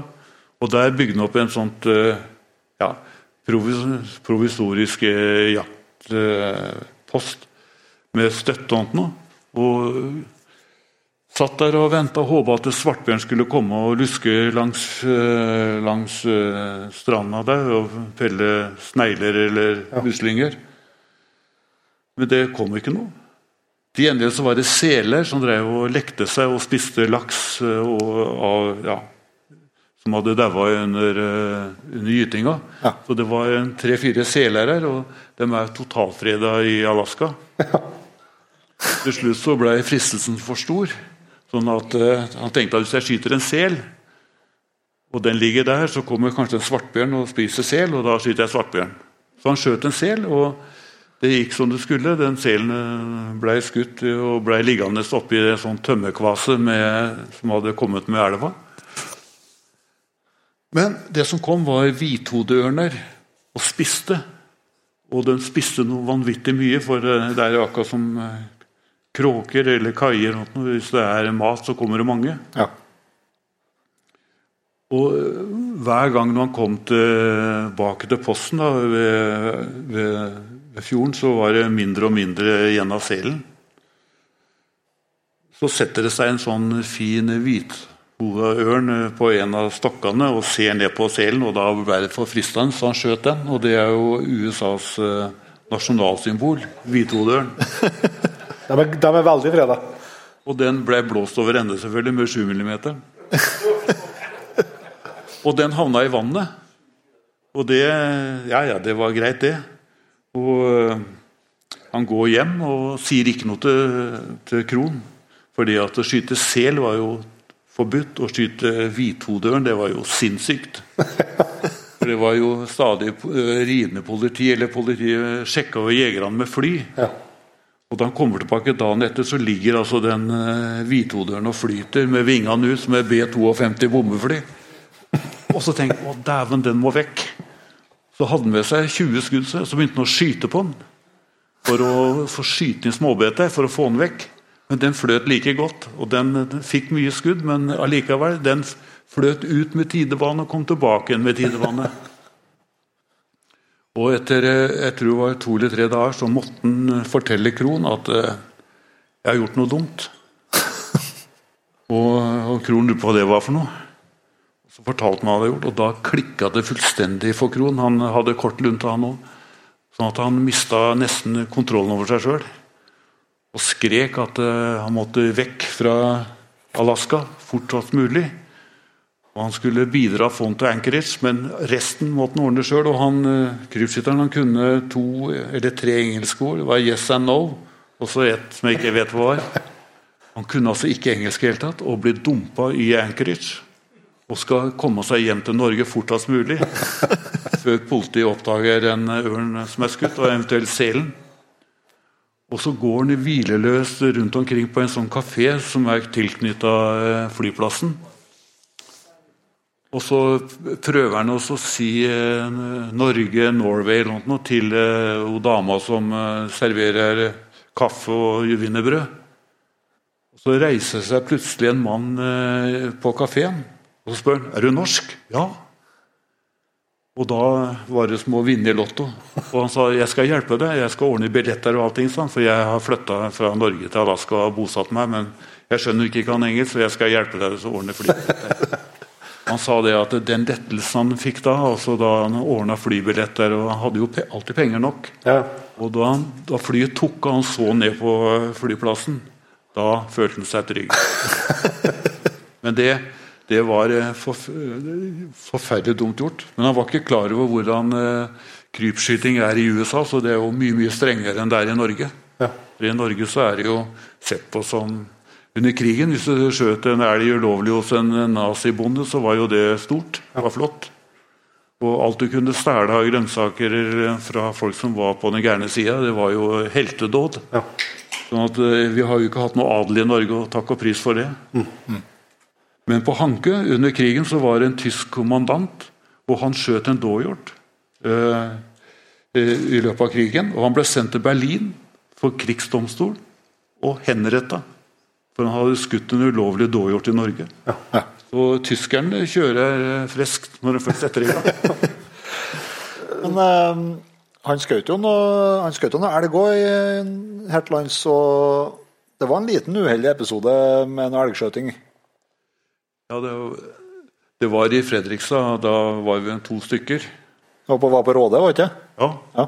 Men eh, det, det, det, var Onsøy eller Råde, altså det er i området der. Så der hadde de sett en eh, svær elgokse. Og for å være trygg så var det to mann. Og De parkerte flere kilometer unna. Det var alltid, Du skulle aldri jakte nærmere enn to eller tre kilometer fra bilen. Det var utrolig viktig. Og Han visste hvor elgen var, hen, og de satte seg ved siden av hverandre. og Så kom elgen eh, når det begynte å mørkne, og det var begynnelsen av september. Og Da teller de ned, så skyter de begge to. For å være helt sikker på å treffe, eller for å få den over ende. Men istedenfor å fly inn i skauen, så tok elgen en sånn æresrunde ut på jordet før han datt over ende. Og I det øyeblikket kommer det en sånn eh, gruppe med joggere som ser elgen. og De hadde hørt smellet fra 25-35. Og det ble et voldsomt oppstyr, og de skreik og bar seg, de jagerne. og De visste at det ikke var jakt, tydeligvis. Og da var det bare å forsvinne vekk. Og dagen etter så var de i Fredrikstad Blad. sånn at eh, Det var litt, eh, men det var litt av grunnen til at han egentlig ikke skjøt så mange elger, fordi at eh, det ble så mye mer oppstuss når de ble funnet. Ja, altså Skyte elg ulovlig, det blir det mye eh, oppstuss om. Så han eh, foretrakk å dåhjort og eventuelt kronhjort gikk greit, men elg det var så mye penger, og det ble det så mye styr av og politi. Ja. Men rådyr og noe som lå i en bekk uten hue, det var ingen som brydde seg om. Så, Men eh, en annen ganske frisk jakt her, det er i en viltpark. ja. I Onsøy så var det en sånn viltpark, eh, ganske svær på, på en par tusen mål, Og Elingård. og Det, det var en, pri, en privat. privat eid, ja. Og der var det dåhjort og kronhjort. Og um, jeg kan jo si det nå, eh, det er kanskje ikke helt pent, men eh, Sverre Fjelstad han viser noen flotte kronhjortbilder.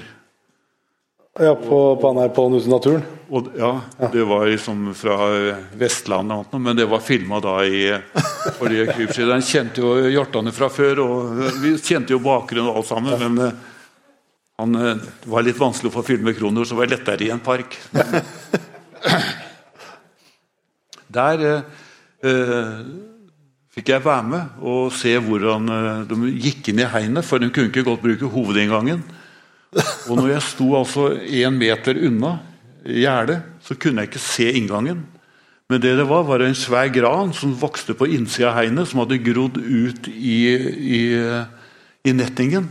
Og så hadde den klippa, sånn at det var bare to klips. Så kunne den åpne porten, grein skjula inngangen eller utgangen. Og så gikk de ut og inn der med kronhjorter og, og trofeer. Og det det, hent, det var som regel to, fordi at når du skjøt en hjort, så var det om å være Én kunne være litt lite. Du måtte gjemme den, så at ikke han som hadde ansvar for hegnet, fant den eh, med en gang. Slik at eh, de var som regel to. Og da Flere ganger så lå de og titta på han som var heinforvalteren. Han kom kjørende med hest, som hadde en sånn liten eh, ja, eh, feiekost bak. For de feia stiene i, i hegnet for å se hvor dyra vandra hen, og hvor de var. hen. Sånn at eh, eh, De lå og så på han, og han kom forbi. og Han visste ikke at det var folk i hegnet med våpen i hele tatt. Og, men eh, han de hadde hørt det at eh, han som eide hegnet, lurte på hvor et par av dyra var blitt av. De hadde hoppa over gjerdet eller forsvunnet, men ja. Eh, de hang eh, på vegg i Moss og Rygge, den største. Så. Men du er ganske, du er ganske frekk da, altså? Ja. det er jakte inni et hegn hvor det er folk og, som passer på gjerder. og En annen jaktområde som man benytter litt av, er et bilde her, som var litt spesielt, det er en kjerkegård. Ja, det er kirkegården eh, på Jeløya i Moss. Og Der har det vært mye klager i avisa at eh, folk kjøper eh, blomster for dyre dommer på, plasserer på grava. Idet de går ut, så står rådyr og titter på dem og eter opp i løpet av kort tid. Så der jakta han blant folk som sto ved gravene. Det er helt utrolig. På Jeløya er det sånn at det var skog ganske inntil, så er det da en sånn steinsatt mur som går rundt på østsida. Og bak der satt han med salongrifla, mens folk sto på gravene. Og han brukte simmer, altså det er ekenøtt med lang hylse, og skjøt da rådyret inn i motorrommet. Og det datt jo aldri ned. Den løp av gårde og tryna eh, blant noen graver. Men han visste hvor den datt den. Og så hadde han med seg granbar i henda. Og så gikk han, som folk gjør på grava, stille og rolig bort til bukken. Festa det nylontauet som vi så i stad, rundt uh, hornet på dyret, eller geviret. Og så trakk han dyret med seg ut av kirkegården. Og der sto altså folk og skjønte ingenting, og ikke hadde de hørt noe og var opptatt med å snakke med de avdøde enn uh, var han som gikk rundt der. og det var særlig 18. mai var veldig gunstig, for mange var på grava 17. mai og la på mye blomster, og det var jo som magnet på rådyra. og 18. mai så er jo folk gått hjem, og det er over, og da kosa han seg ved at han tok ut noen virkelig svære bukker på Vårjakta på kirkegården. Såkalt åtejakt? Åtejakt, ja.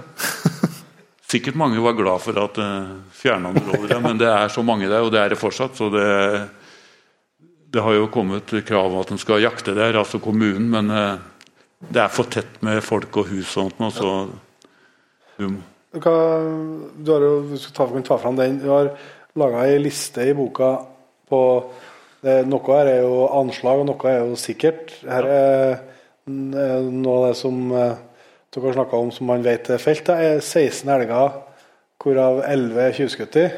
Ja. 54 eh, hjorter, 15 eh, tjuvskutter. Dohjort 11 stykk, alle skutt lovlig. eh, rådyr mellom 1500 og 2000. Ja. Der var det ett et lovlig året? Ja, det, ja, ja. Riktig. Tusenvis av småvilt, sånn at uh... ja. ja. for det har vi ikke snakka om. men Han driver òg utstrakt med fellefangst.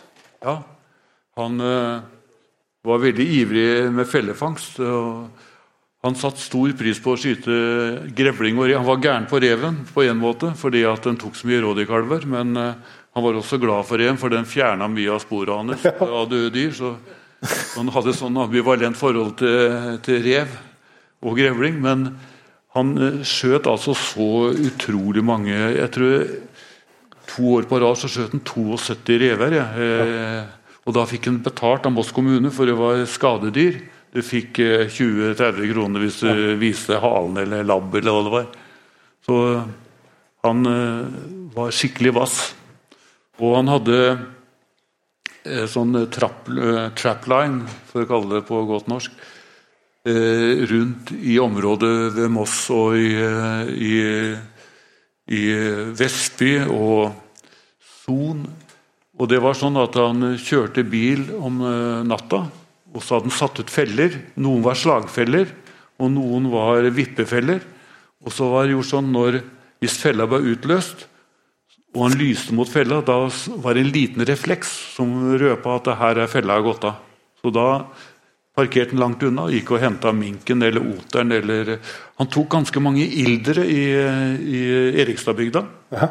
Det var en stor flokk med ildere som formerte seg veldig bra der. og det, det ble ganske mange ildre som han tok, og også mår. Ja. Men ved å kjøre rundt da, med bilen og så lyse bort der han hadde feller, så var det fort gjort å sjekke om det hadde skjedd noe. Og han, eh, han var som sagt veldig ivrig å ta ut eh, rev og grevling, og han brukte Conniby-fella, den største. Og det er skummelt, for det er jo, i Son så er det mange hytteeiere rundt den. Og, så, og de fellene slår jo i hjel ei bikkje eller knekker armen på en voksen mann hvis du utløser den, men ja. det ga han blaffen i. Så det var ikke han som hadde satt den ut. Og var veldig nøye med fingeravtrykk og alt sånt, sånn at eh, du kunne ikke ta han på det. Så Men eh, ble ble den noen gang tatt? han ble tatt én gang, og det var eh, i 72, hvor eh, han og en kompis eh, Det var i januar, eh, bestemte seg for å prøve å skyte noe elg eller rådyr. Og så var det sporsnø. Og så kjørte de inn på en liten skogsbilvei og gjemte bilen. Og dro av gårde. Og så er det helt utrolig eh, politipatrulje fra Moss som ser sporet i veien og syns det er rart den går inn i skauen. Og så kjører de opp, og så ser hun står en bil gjemt der. Så titter de inn i bilen, og der kunne du ikke se noe, men du må anta at du så spora gikk ut i skogen. Så ble den sittende der og vente.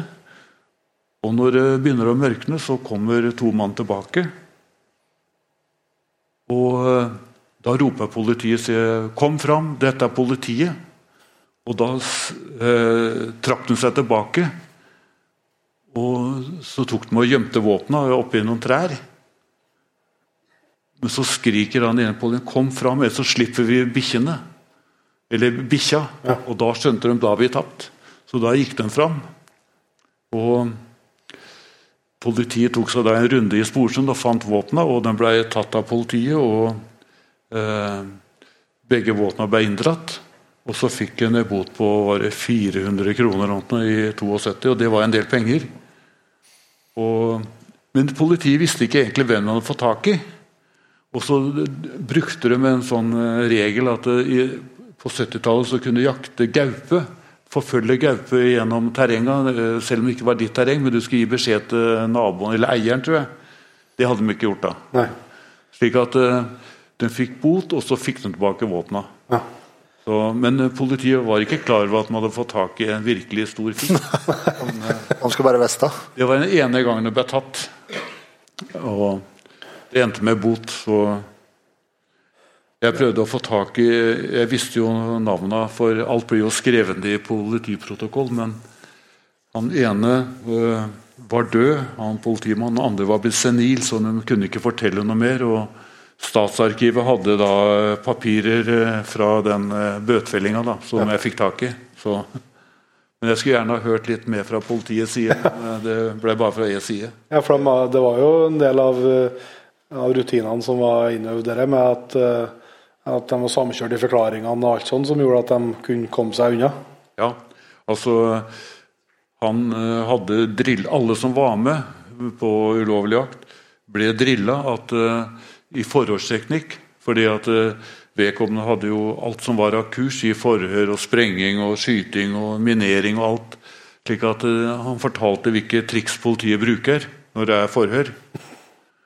Og det var eh, å stå på det du sa, og ikke si for mye, og ikke fire. Selv om politiet fikk kameraten i sa noe helt annet. Så du, for det var en av teknikkene. da, som han... eh, Men eh, han fikk jo ikke noe særlig bruk for det, da, bortsett fra den ene gangen her, hvor det gikk bra. Så da sto han på at det var gaupejakt. Det er jo tydelig at han har gjort mye rett, da, når han, for det ligger jo noen jaktdager og jaktdøgn bak.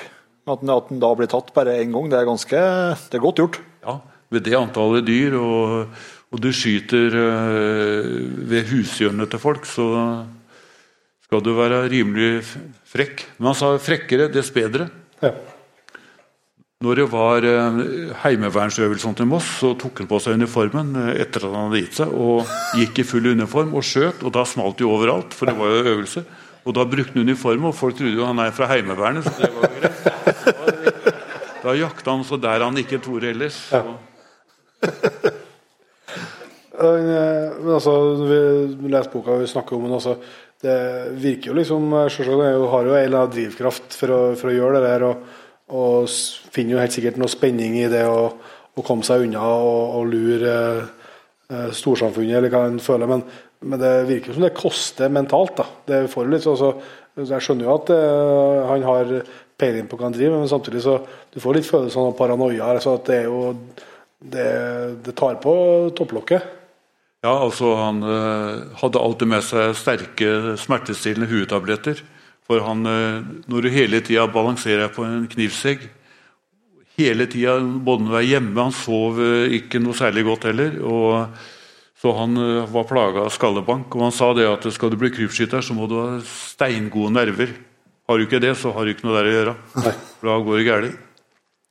Det som var eh, ille, det som virkelig skada han, det var at eh, i Moss så hadde vi en cellulosefabrikk. Alle har hørt om Mosselukta. Den er jo borte nå, men eh, han jobba på cellosen, For der var det skiftarbeid, og da fikk du én uke fri etter å ha gått noe skift. Og da kunne du jakte døgnet rundt. Og eh, han jakta også mens han var på jobb, fordi at flere av gutta stempla han ut og inn. Og han, et par ganger så dro han på jakt mens han skulle være på jobb, og så kommer formålet på han er, og da sier han han er, er et på lager eller noe. Og dekka han.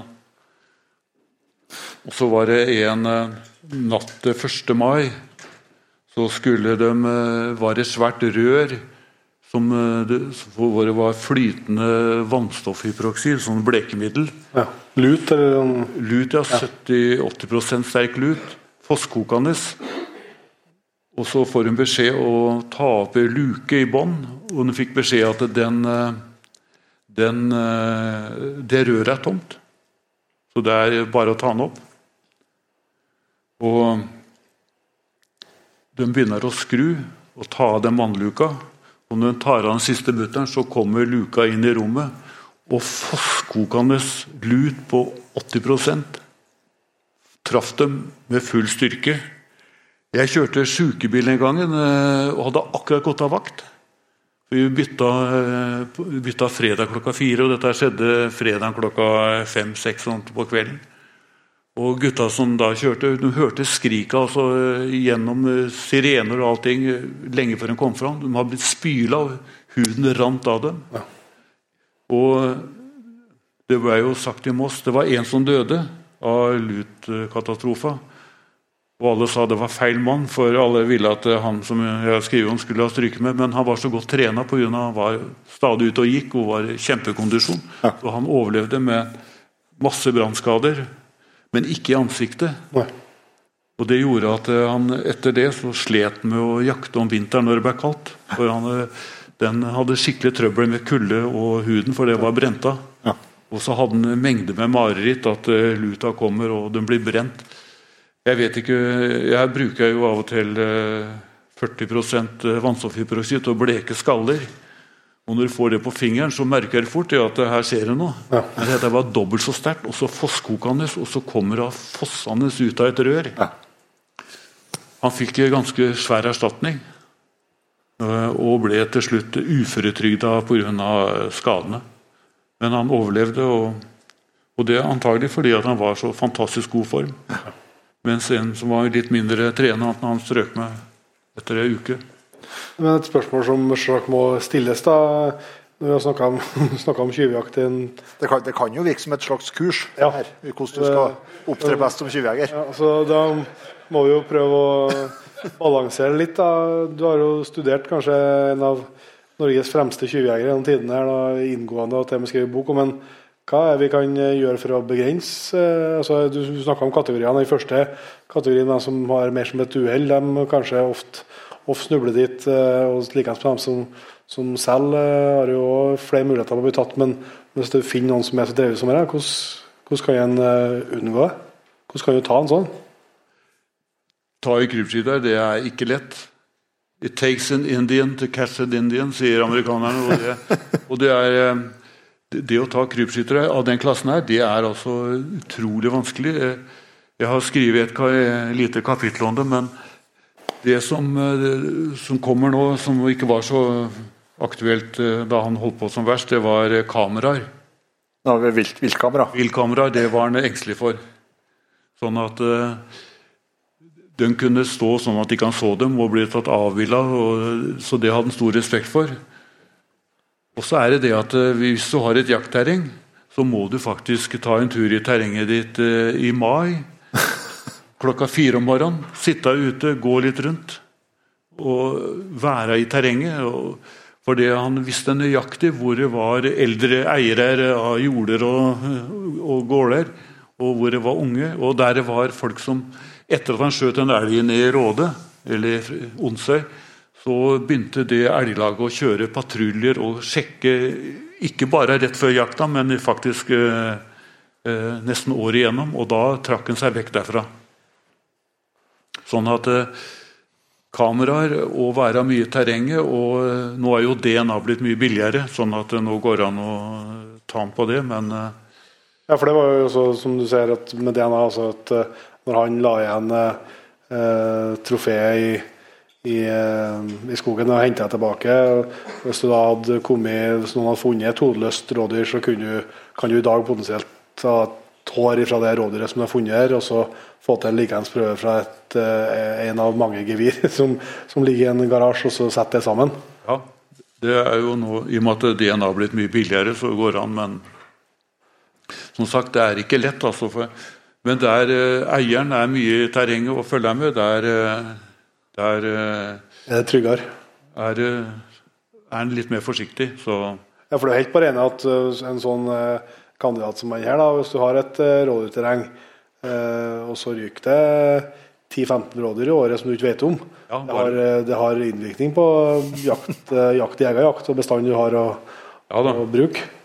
Jeg sa til Vidar Holte at noe nå som har gitt seg, så kommer du til å merke at du får mer dyr å skyte. Og det, det samme skjedde flere steder på Jeløya, hvor plutselig var en stor bestand.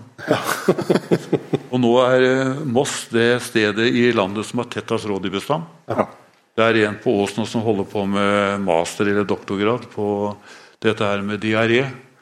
Og eh, vi har mye av det i Moss, på Jeløya og sånn at eh, er, og de mener jo at grunnen til at det er så sykdom da, på rådyra, det er at det er for tett bestand. Det er for mye. Det er naturens måte å redusere stammen på. Ja. For, lite krypskyttere. Ja, altså, eh, Nok krypskyttere, så hadde vi ikke hatt det problemet. for å si sånn. sånn. Veldig bra. Vi skal etter hvert begynne å runde av, eh, Per, men vi har eh, noen faste spørsmål som vi, og punkter som vi må ha med oss deg på gjennom før vi, vi slipper deg helt. Du har jo gjennom boka, du sa jo selv at det er håndbok i krypskyting, så det har kommet mye. Men hvis du skal trekke fram et eh, jakttips, da. Et beste jakttips, hva kjenner du med da? Et jakttips eh, det er eh, hvis du har lyst til å jakte utlandet billig, så kan du dra til Montana. Montana er ikke guidetvang. Hvis du søker på lisens på public area, så koster det, litt avhengig av hvilken dyreart du søker på, så må du kanskje legge ut en eh, 1500-1600 kroner. Men hvis du ikke blir trukket ut, så får du tilbake nesten hele beløpet av staten. Ja. Og i Montana er det flere lisenser på hjort enn det er mennesker som bor her. og Det er et fantastisk område, og det er jo en del nordmenn der. og Så, og, eller utvandra nordmenn. Så det er et bra tips hvis du skal ha litt spennende jakt for en rimelig penge. Ja. Tøft. Eh, hvis du skal trekke fram noe jakt, jaktutstyr da, som du har uh, skaffa den uh, ja, Vi kan jo si siste tida, men hvis du sier løpet av karrieren, da, er det noe du er spesielt godt fornøyd med? Ja, Nå har ikke jeg kjøpt noe særlig utstyr de siste 25 åra, men For jeg har liksom funnet ut hva jeg har, men uh, det er jo Det er én ting jeg savner i Norge, som jeg må kjøpe i Tyskland, og det er gummistøvler. Hvis du Jeg har sett gummistøvler i Norge, altså. Ja, altså Jeg har kjøpt uh, Viking gummistøvler. Ja. Det er det verste jeg har hatt noen gang. Etter ett år så skulle jeg dra på meg støvelen, så sto jeg med overlær og og jeg ble tøfler. og råtna opp. Den som blander en gummi, må jo være blinde.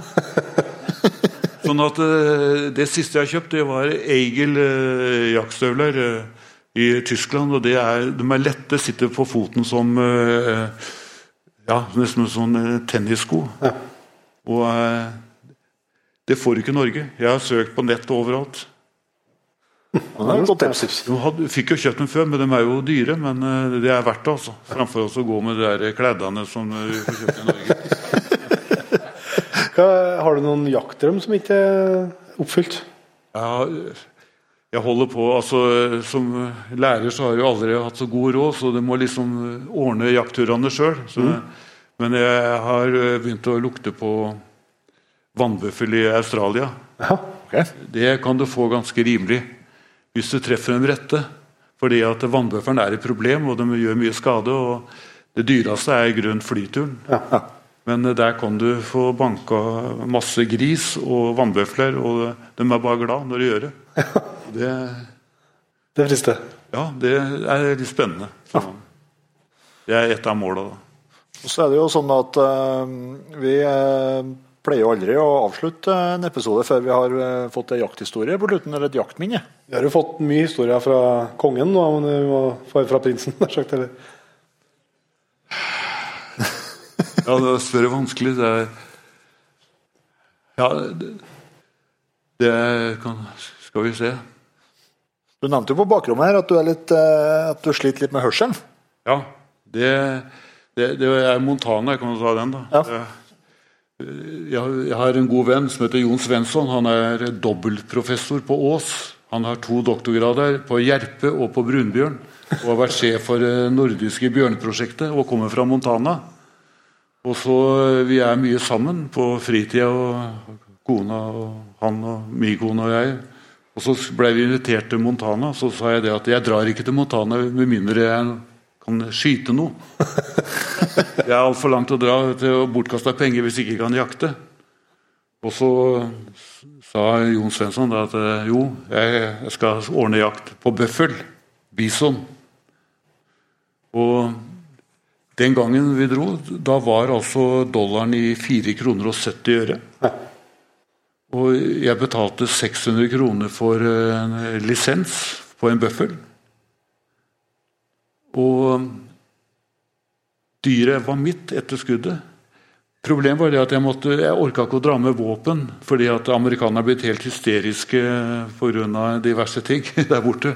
Og terrorister. Sånn at eh, hvis jeg skulle låne et våpen av broren til Jon Svensson som bor her, og det var 30 kaliber på 460 Wedderby-hylse. Med rekylbrems. Det er 12-7 eller omtrent, ja. Ja, det føltes sånn. Og så var det det at uh, han guiden som, Dette er jo frittstående vilt. Han sa det at uh, du må høre på hva jeg sier. Og hvis du skyter feil, så koster det en av de bøflene koster det 3000 dollar eh, eller mer. sånn. Og det hadde ikke jeg noe særlig lysten på, for det feriebudsjettet var jo pressa allerede. men... eh, så jeg kunne ikke ha hørselvern. eh, Du hadde ikke elektronisk hørselvern der, så jeg måtte liksom høre hva han sa. Og så sa han at når dyr nummer tre kommer klar, så skyt. Og jeg skjøt, og jeg trodde skallen sprakk.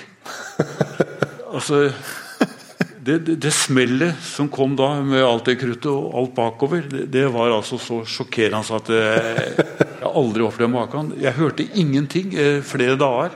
Kona gæren som ei fele. Og jeg har jo tinnitus så det holder.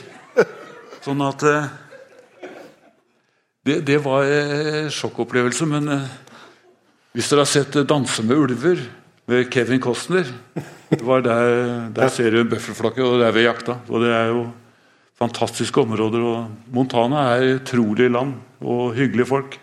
Få folk og mye vilt og fisk. Du har, du har med noen bøker, du òg?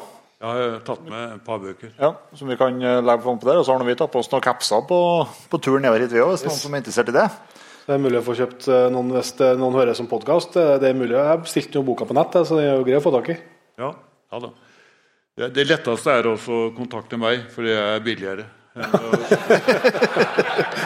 Det er som sagt, Jeg måtte ta alle utgiftene med boka i og med at den ville ikke gi ut eh, håndbok i krypskyting. Og, at eh, hvis du kjøper den i- på eh, så koster det mer. sånn. Veldig bra. Vi skal gi en stor applaus til Per Strandbakken.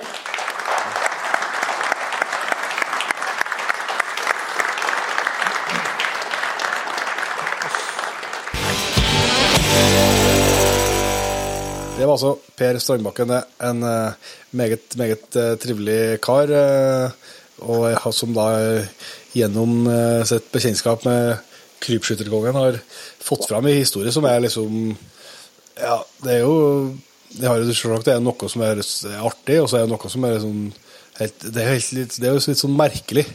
Man må jo liksom si at Man har jo hørt om tjuvjakt i forskjellige sammenhenger, og liksom, og, og, men liksom et så eh, over så lang tid. Det er, det, det er nesten ikke ja, det er nesten ikke tjuvjakt, for det, det er på et sånt helt annet nivå.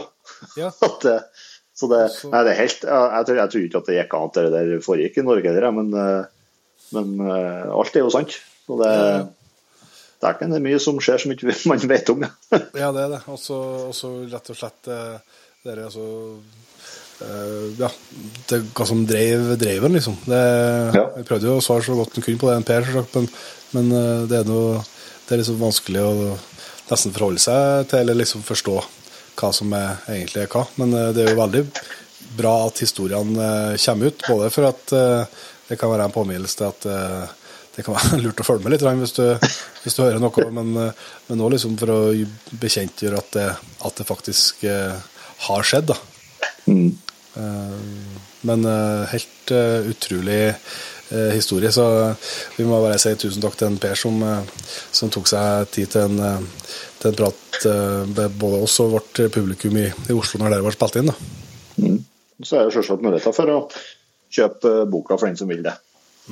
Det anbefales så klart. Vi snakker jo en god stund, men eh, det er mye mellom de permene som vi ikke rekker å få fram på en sånn prat. Yep. Så det er absolutt verdt å, verdt å få med seg. og der er jo, Vi snakker om noen bilder her eh, i podkasten som du kan få, få sett i boka. Og, så det er ikke noen, eh, noen dårlig idé. Men da tror jeg vi kan eh, eh, å etter hvert eh, gå inn for landing og runde av eh, årets første episode av Jegerpodden. Inge, Men ikke før vi har fått ønska de nyankomne i P3-jaktlaget eh, velkommen. da. Nei, det, er, det har kommet mange. Det har kommet mange. Det er jo lenge siden vi var på luften, så det gjør noe sett, selvsagt. Og så hadde vi jo en ekstra julegave til Patriens når vi runda av de ordinære episodene før jul, men vi la ut liveopptaket fra, fra Lillestrøm i fjor. Eh, Og det var vel kanskje noen som ville ha med seg det òg. Det vil jeg nå på generelt grunnlag anbefale, hvis du syns at det er artig med, med litt fliring og, og mye rart som skjer. Det eh, Jeg hørte på den episoden sjøl her i, i romjula. eh, og vi hadde jo ganske artig om Petter når vi satt og kløp den der. For at eh, det er jo sånn at vi har forskjellige lydspor. Ja. Eh, det vil jo si at når du har sitter og klipper og mikser, så kan du låse av forskjellige lydspor, og så kan du velge å fremheve noen lydspor. Og vi gjorde det artig på slutten der når Magnus spiller jeger- jegertoner. Men det har ikke jeg sett noe mye reaksjoner på. Det virker ikke som noen skulle fått med seg det. Når den, eh, lett, lett vokalen til Svein kom fram litt tydelig. Tenk på. Ja. ja.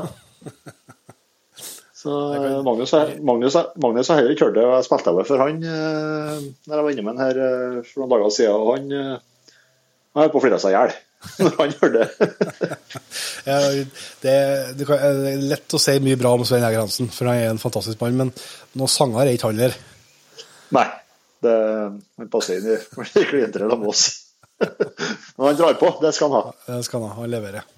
Så det er meg, vi skal eh, takke eh, nyankomne i jaktlaget hvis vi starter på toppen, og si tusen hjertelig takk til Odd Helge, Thomas Elnes, Thomas Vintervold, Anne Katrine Rørholt, Martin Fenes, Eirik Tidemonsen.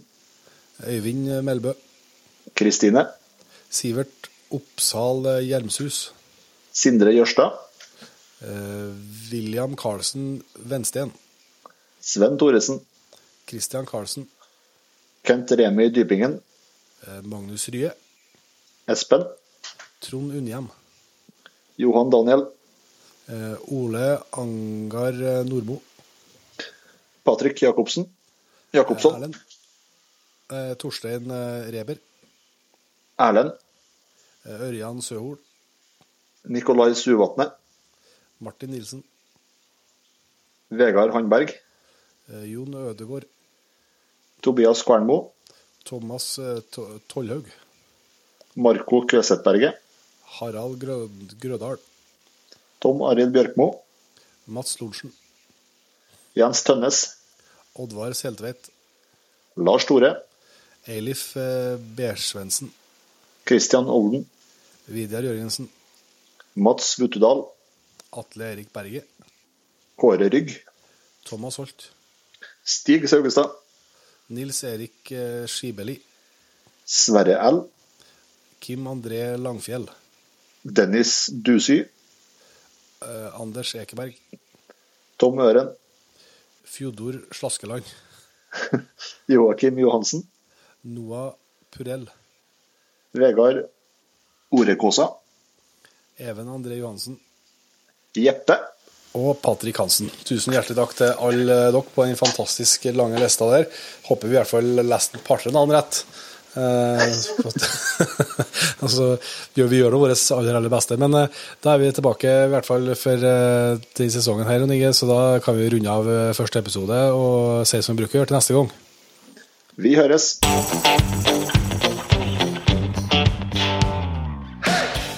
Tusen hjertelig takk for at du valgte å bruke litt av tida di på Jegerpodden. Sjekk ut jegerpodden.no eller din favoritt favorittpodkastspiller for enda mer innhold og flere episoder. Følg også Jegerpodden på Facebook og Instagram, og ikke minst, husk å fortelle alle gode venner, familie og tilfeldige forbipasserende om Jegerpodden, sånn at vi får spredd glade budskap videre. Vi høres.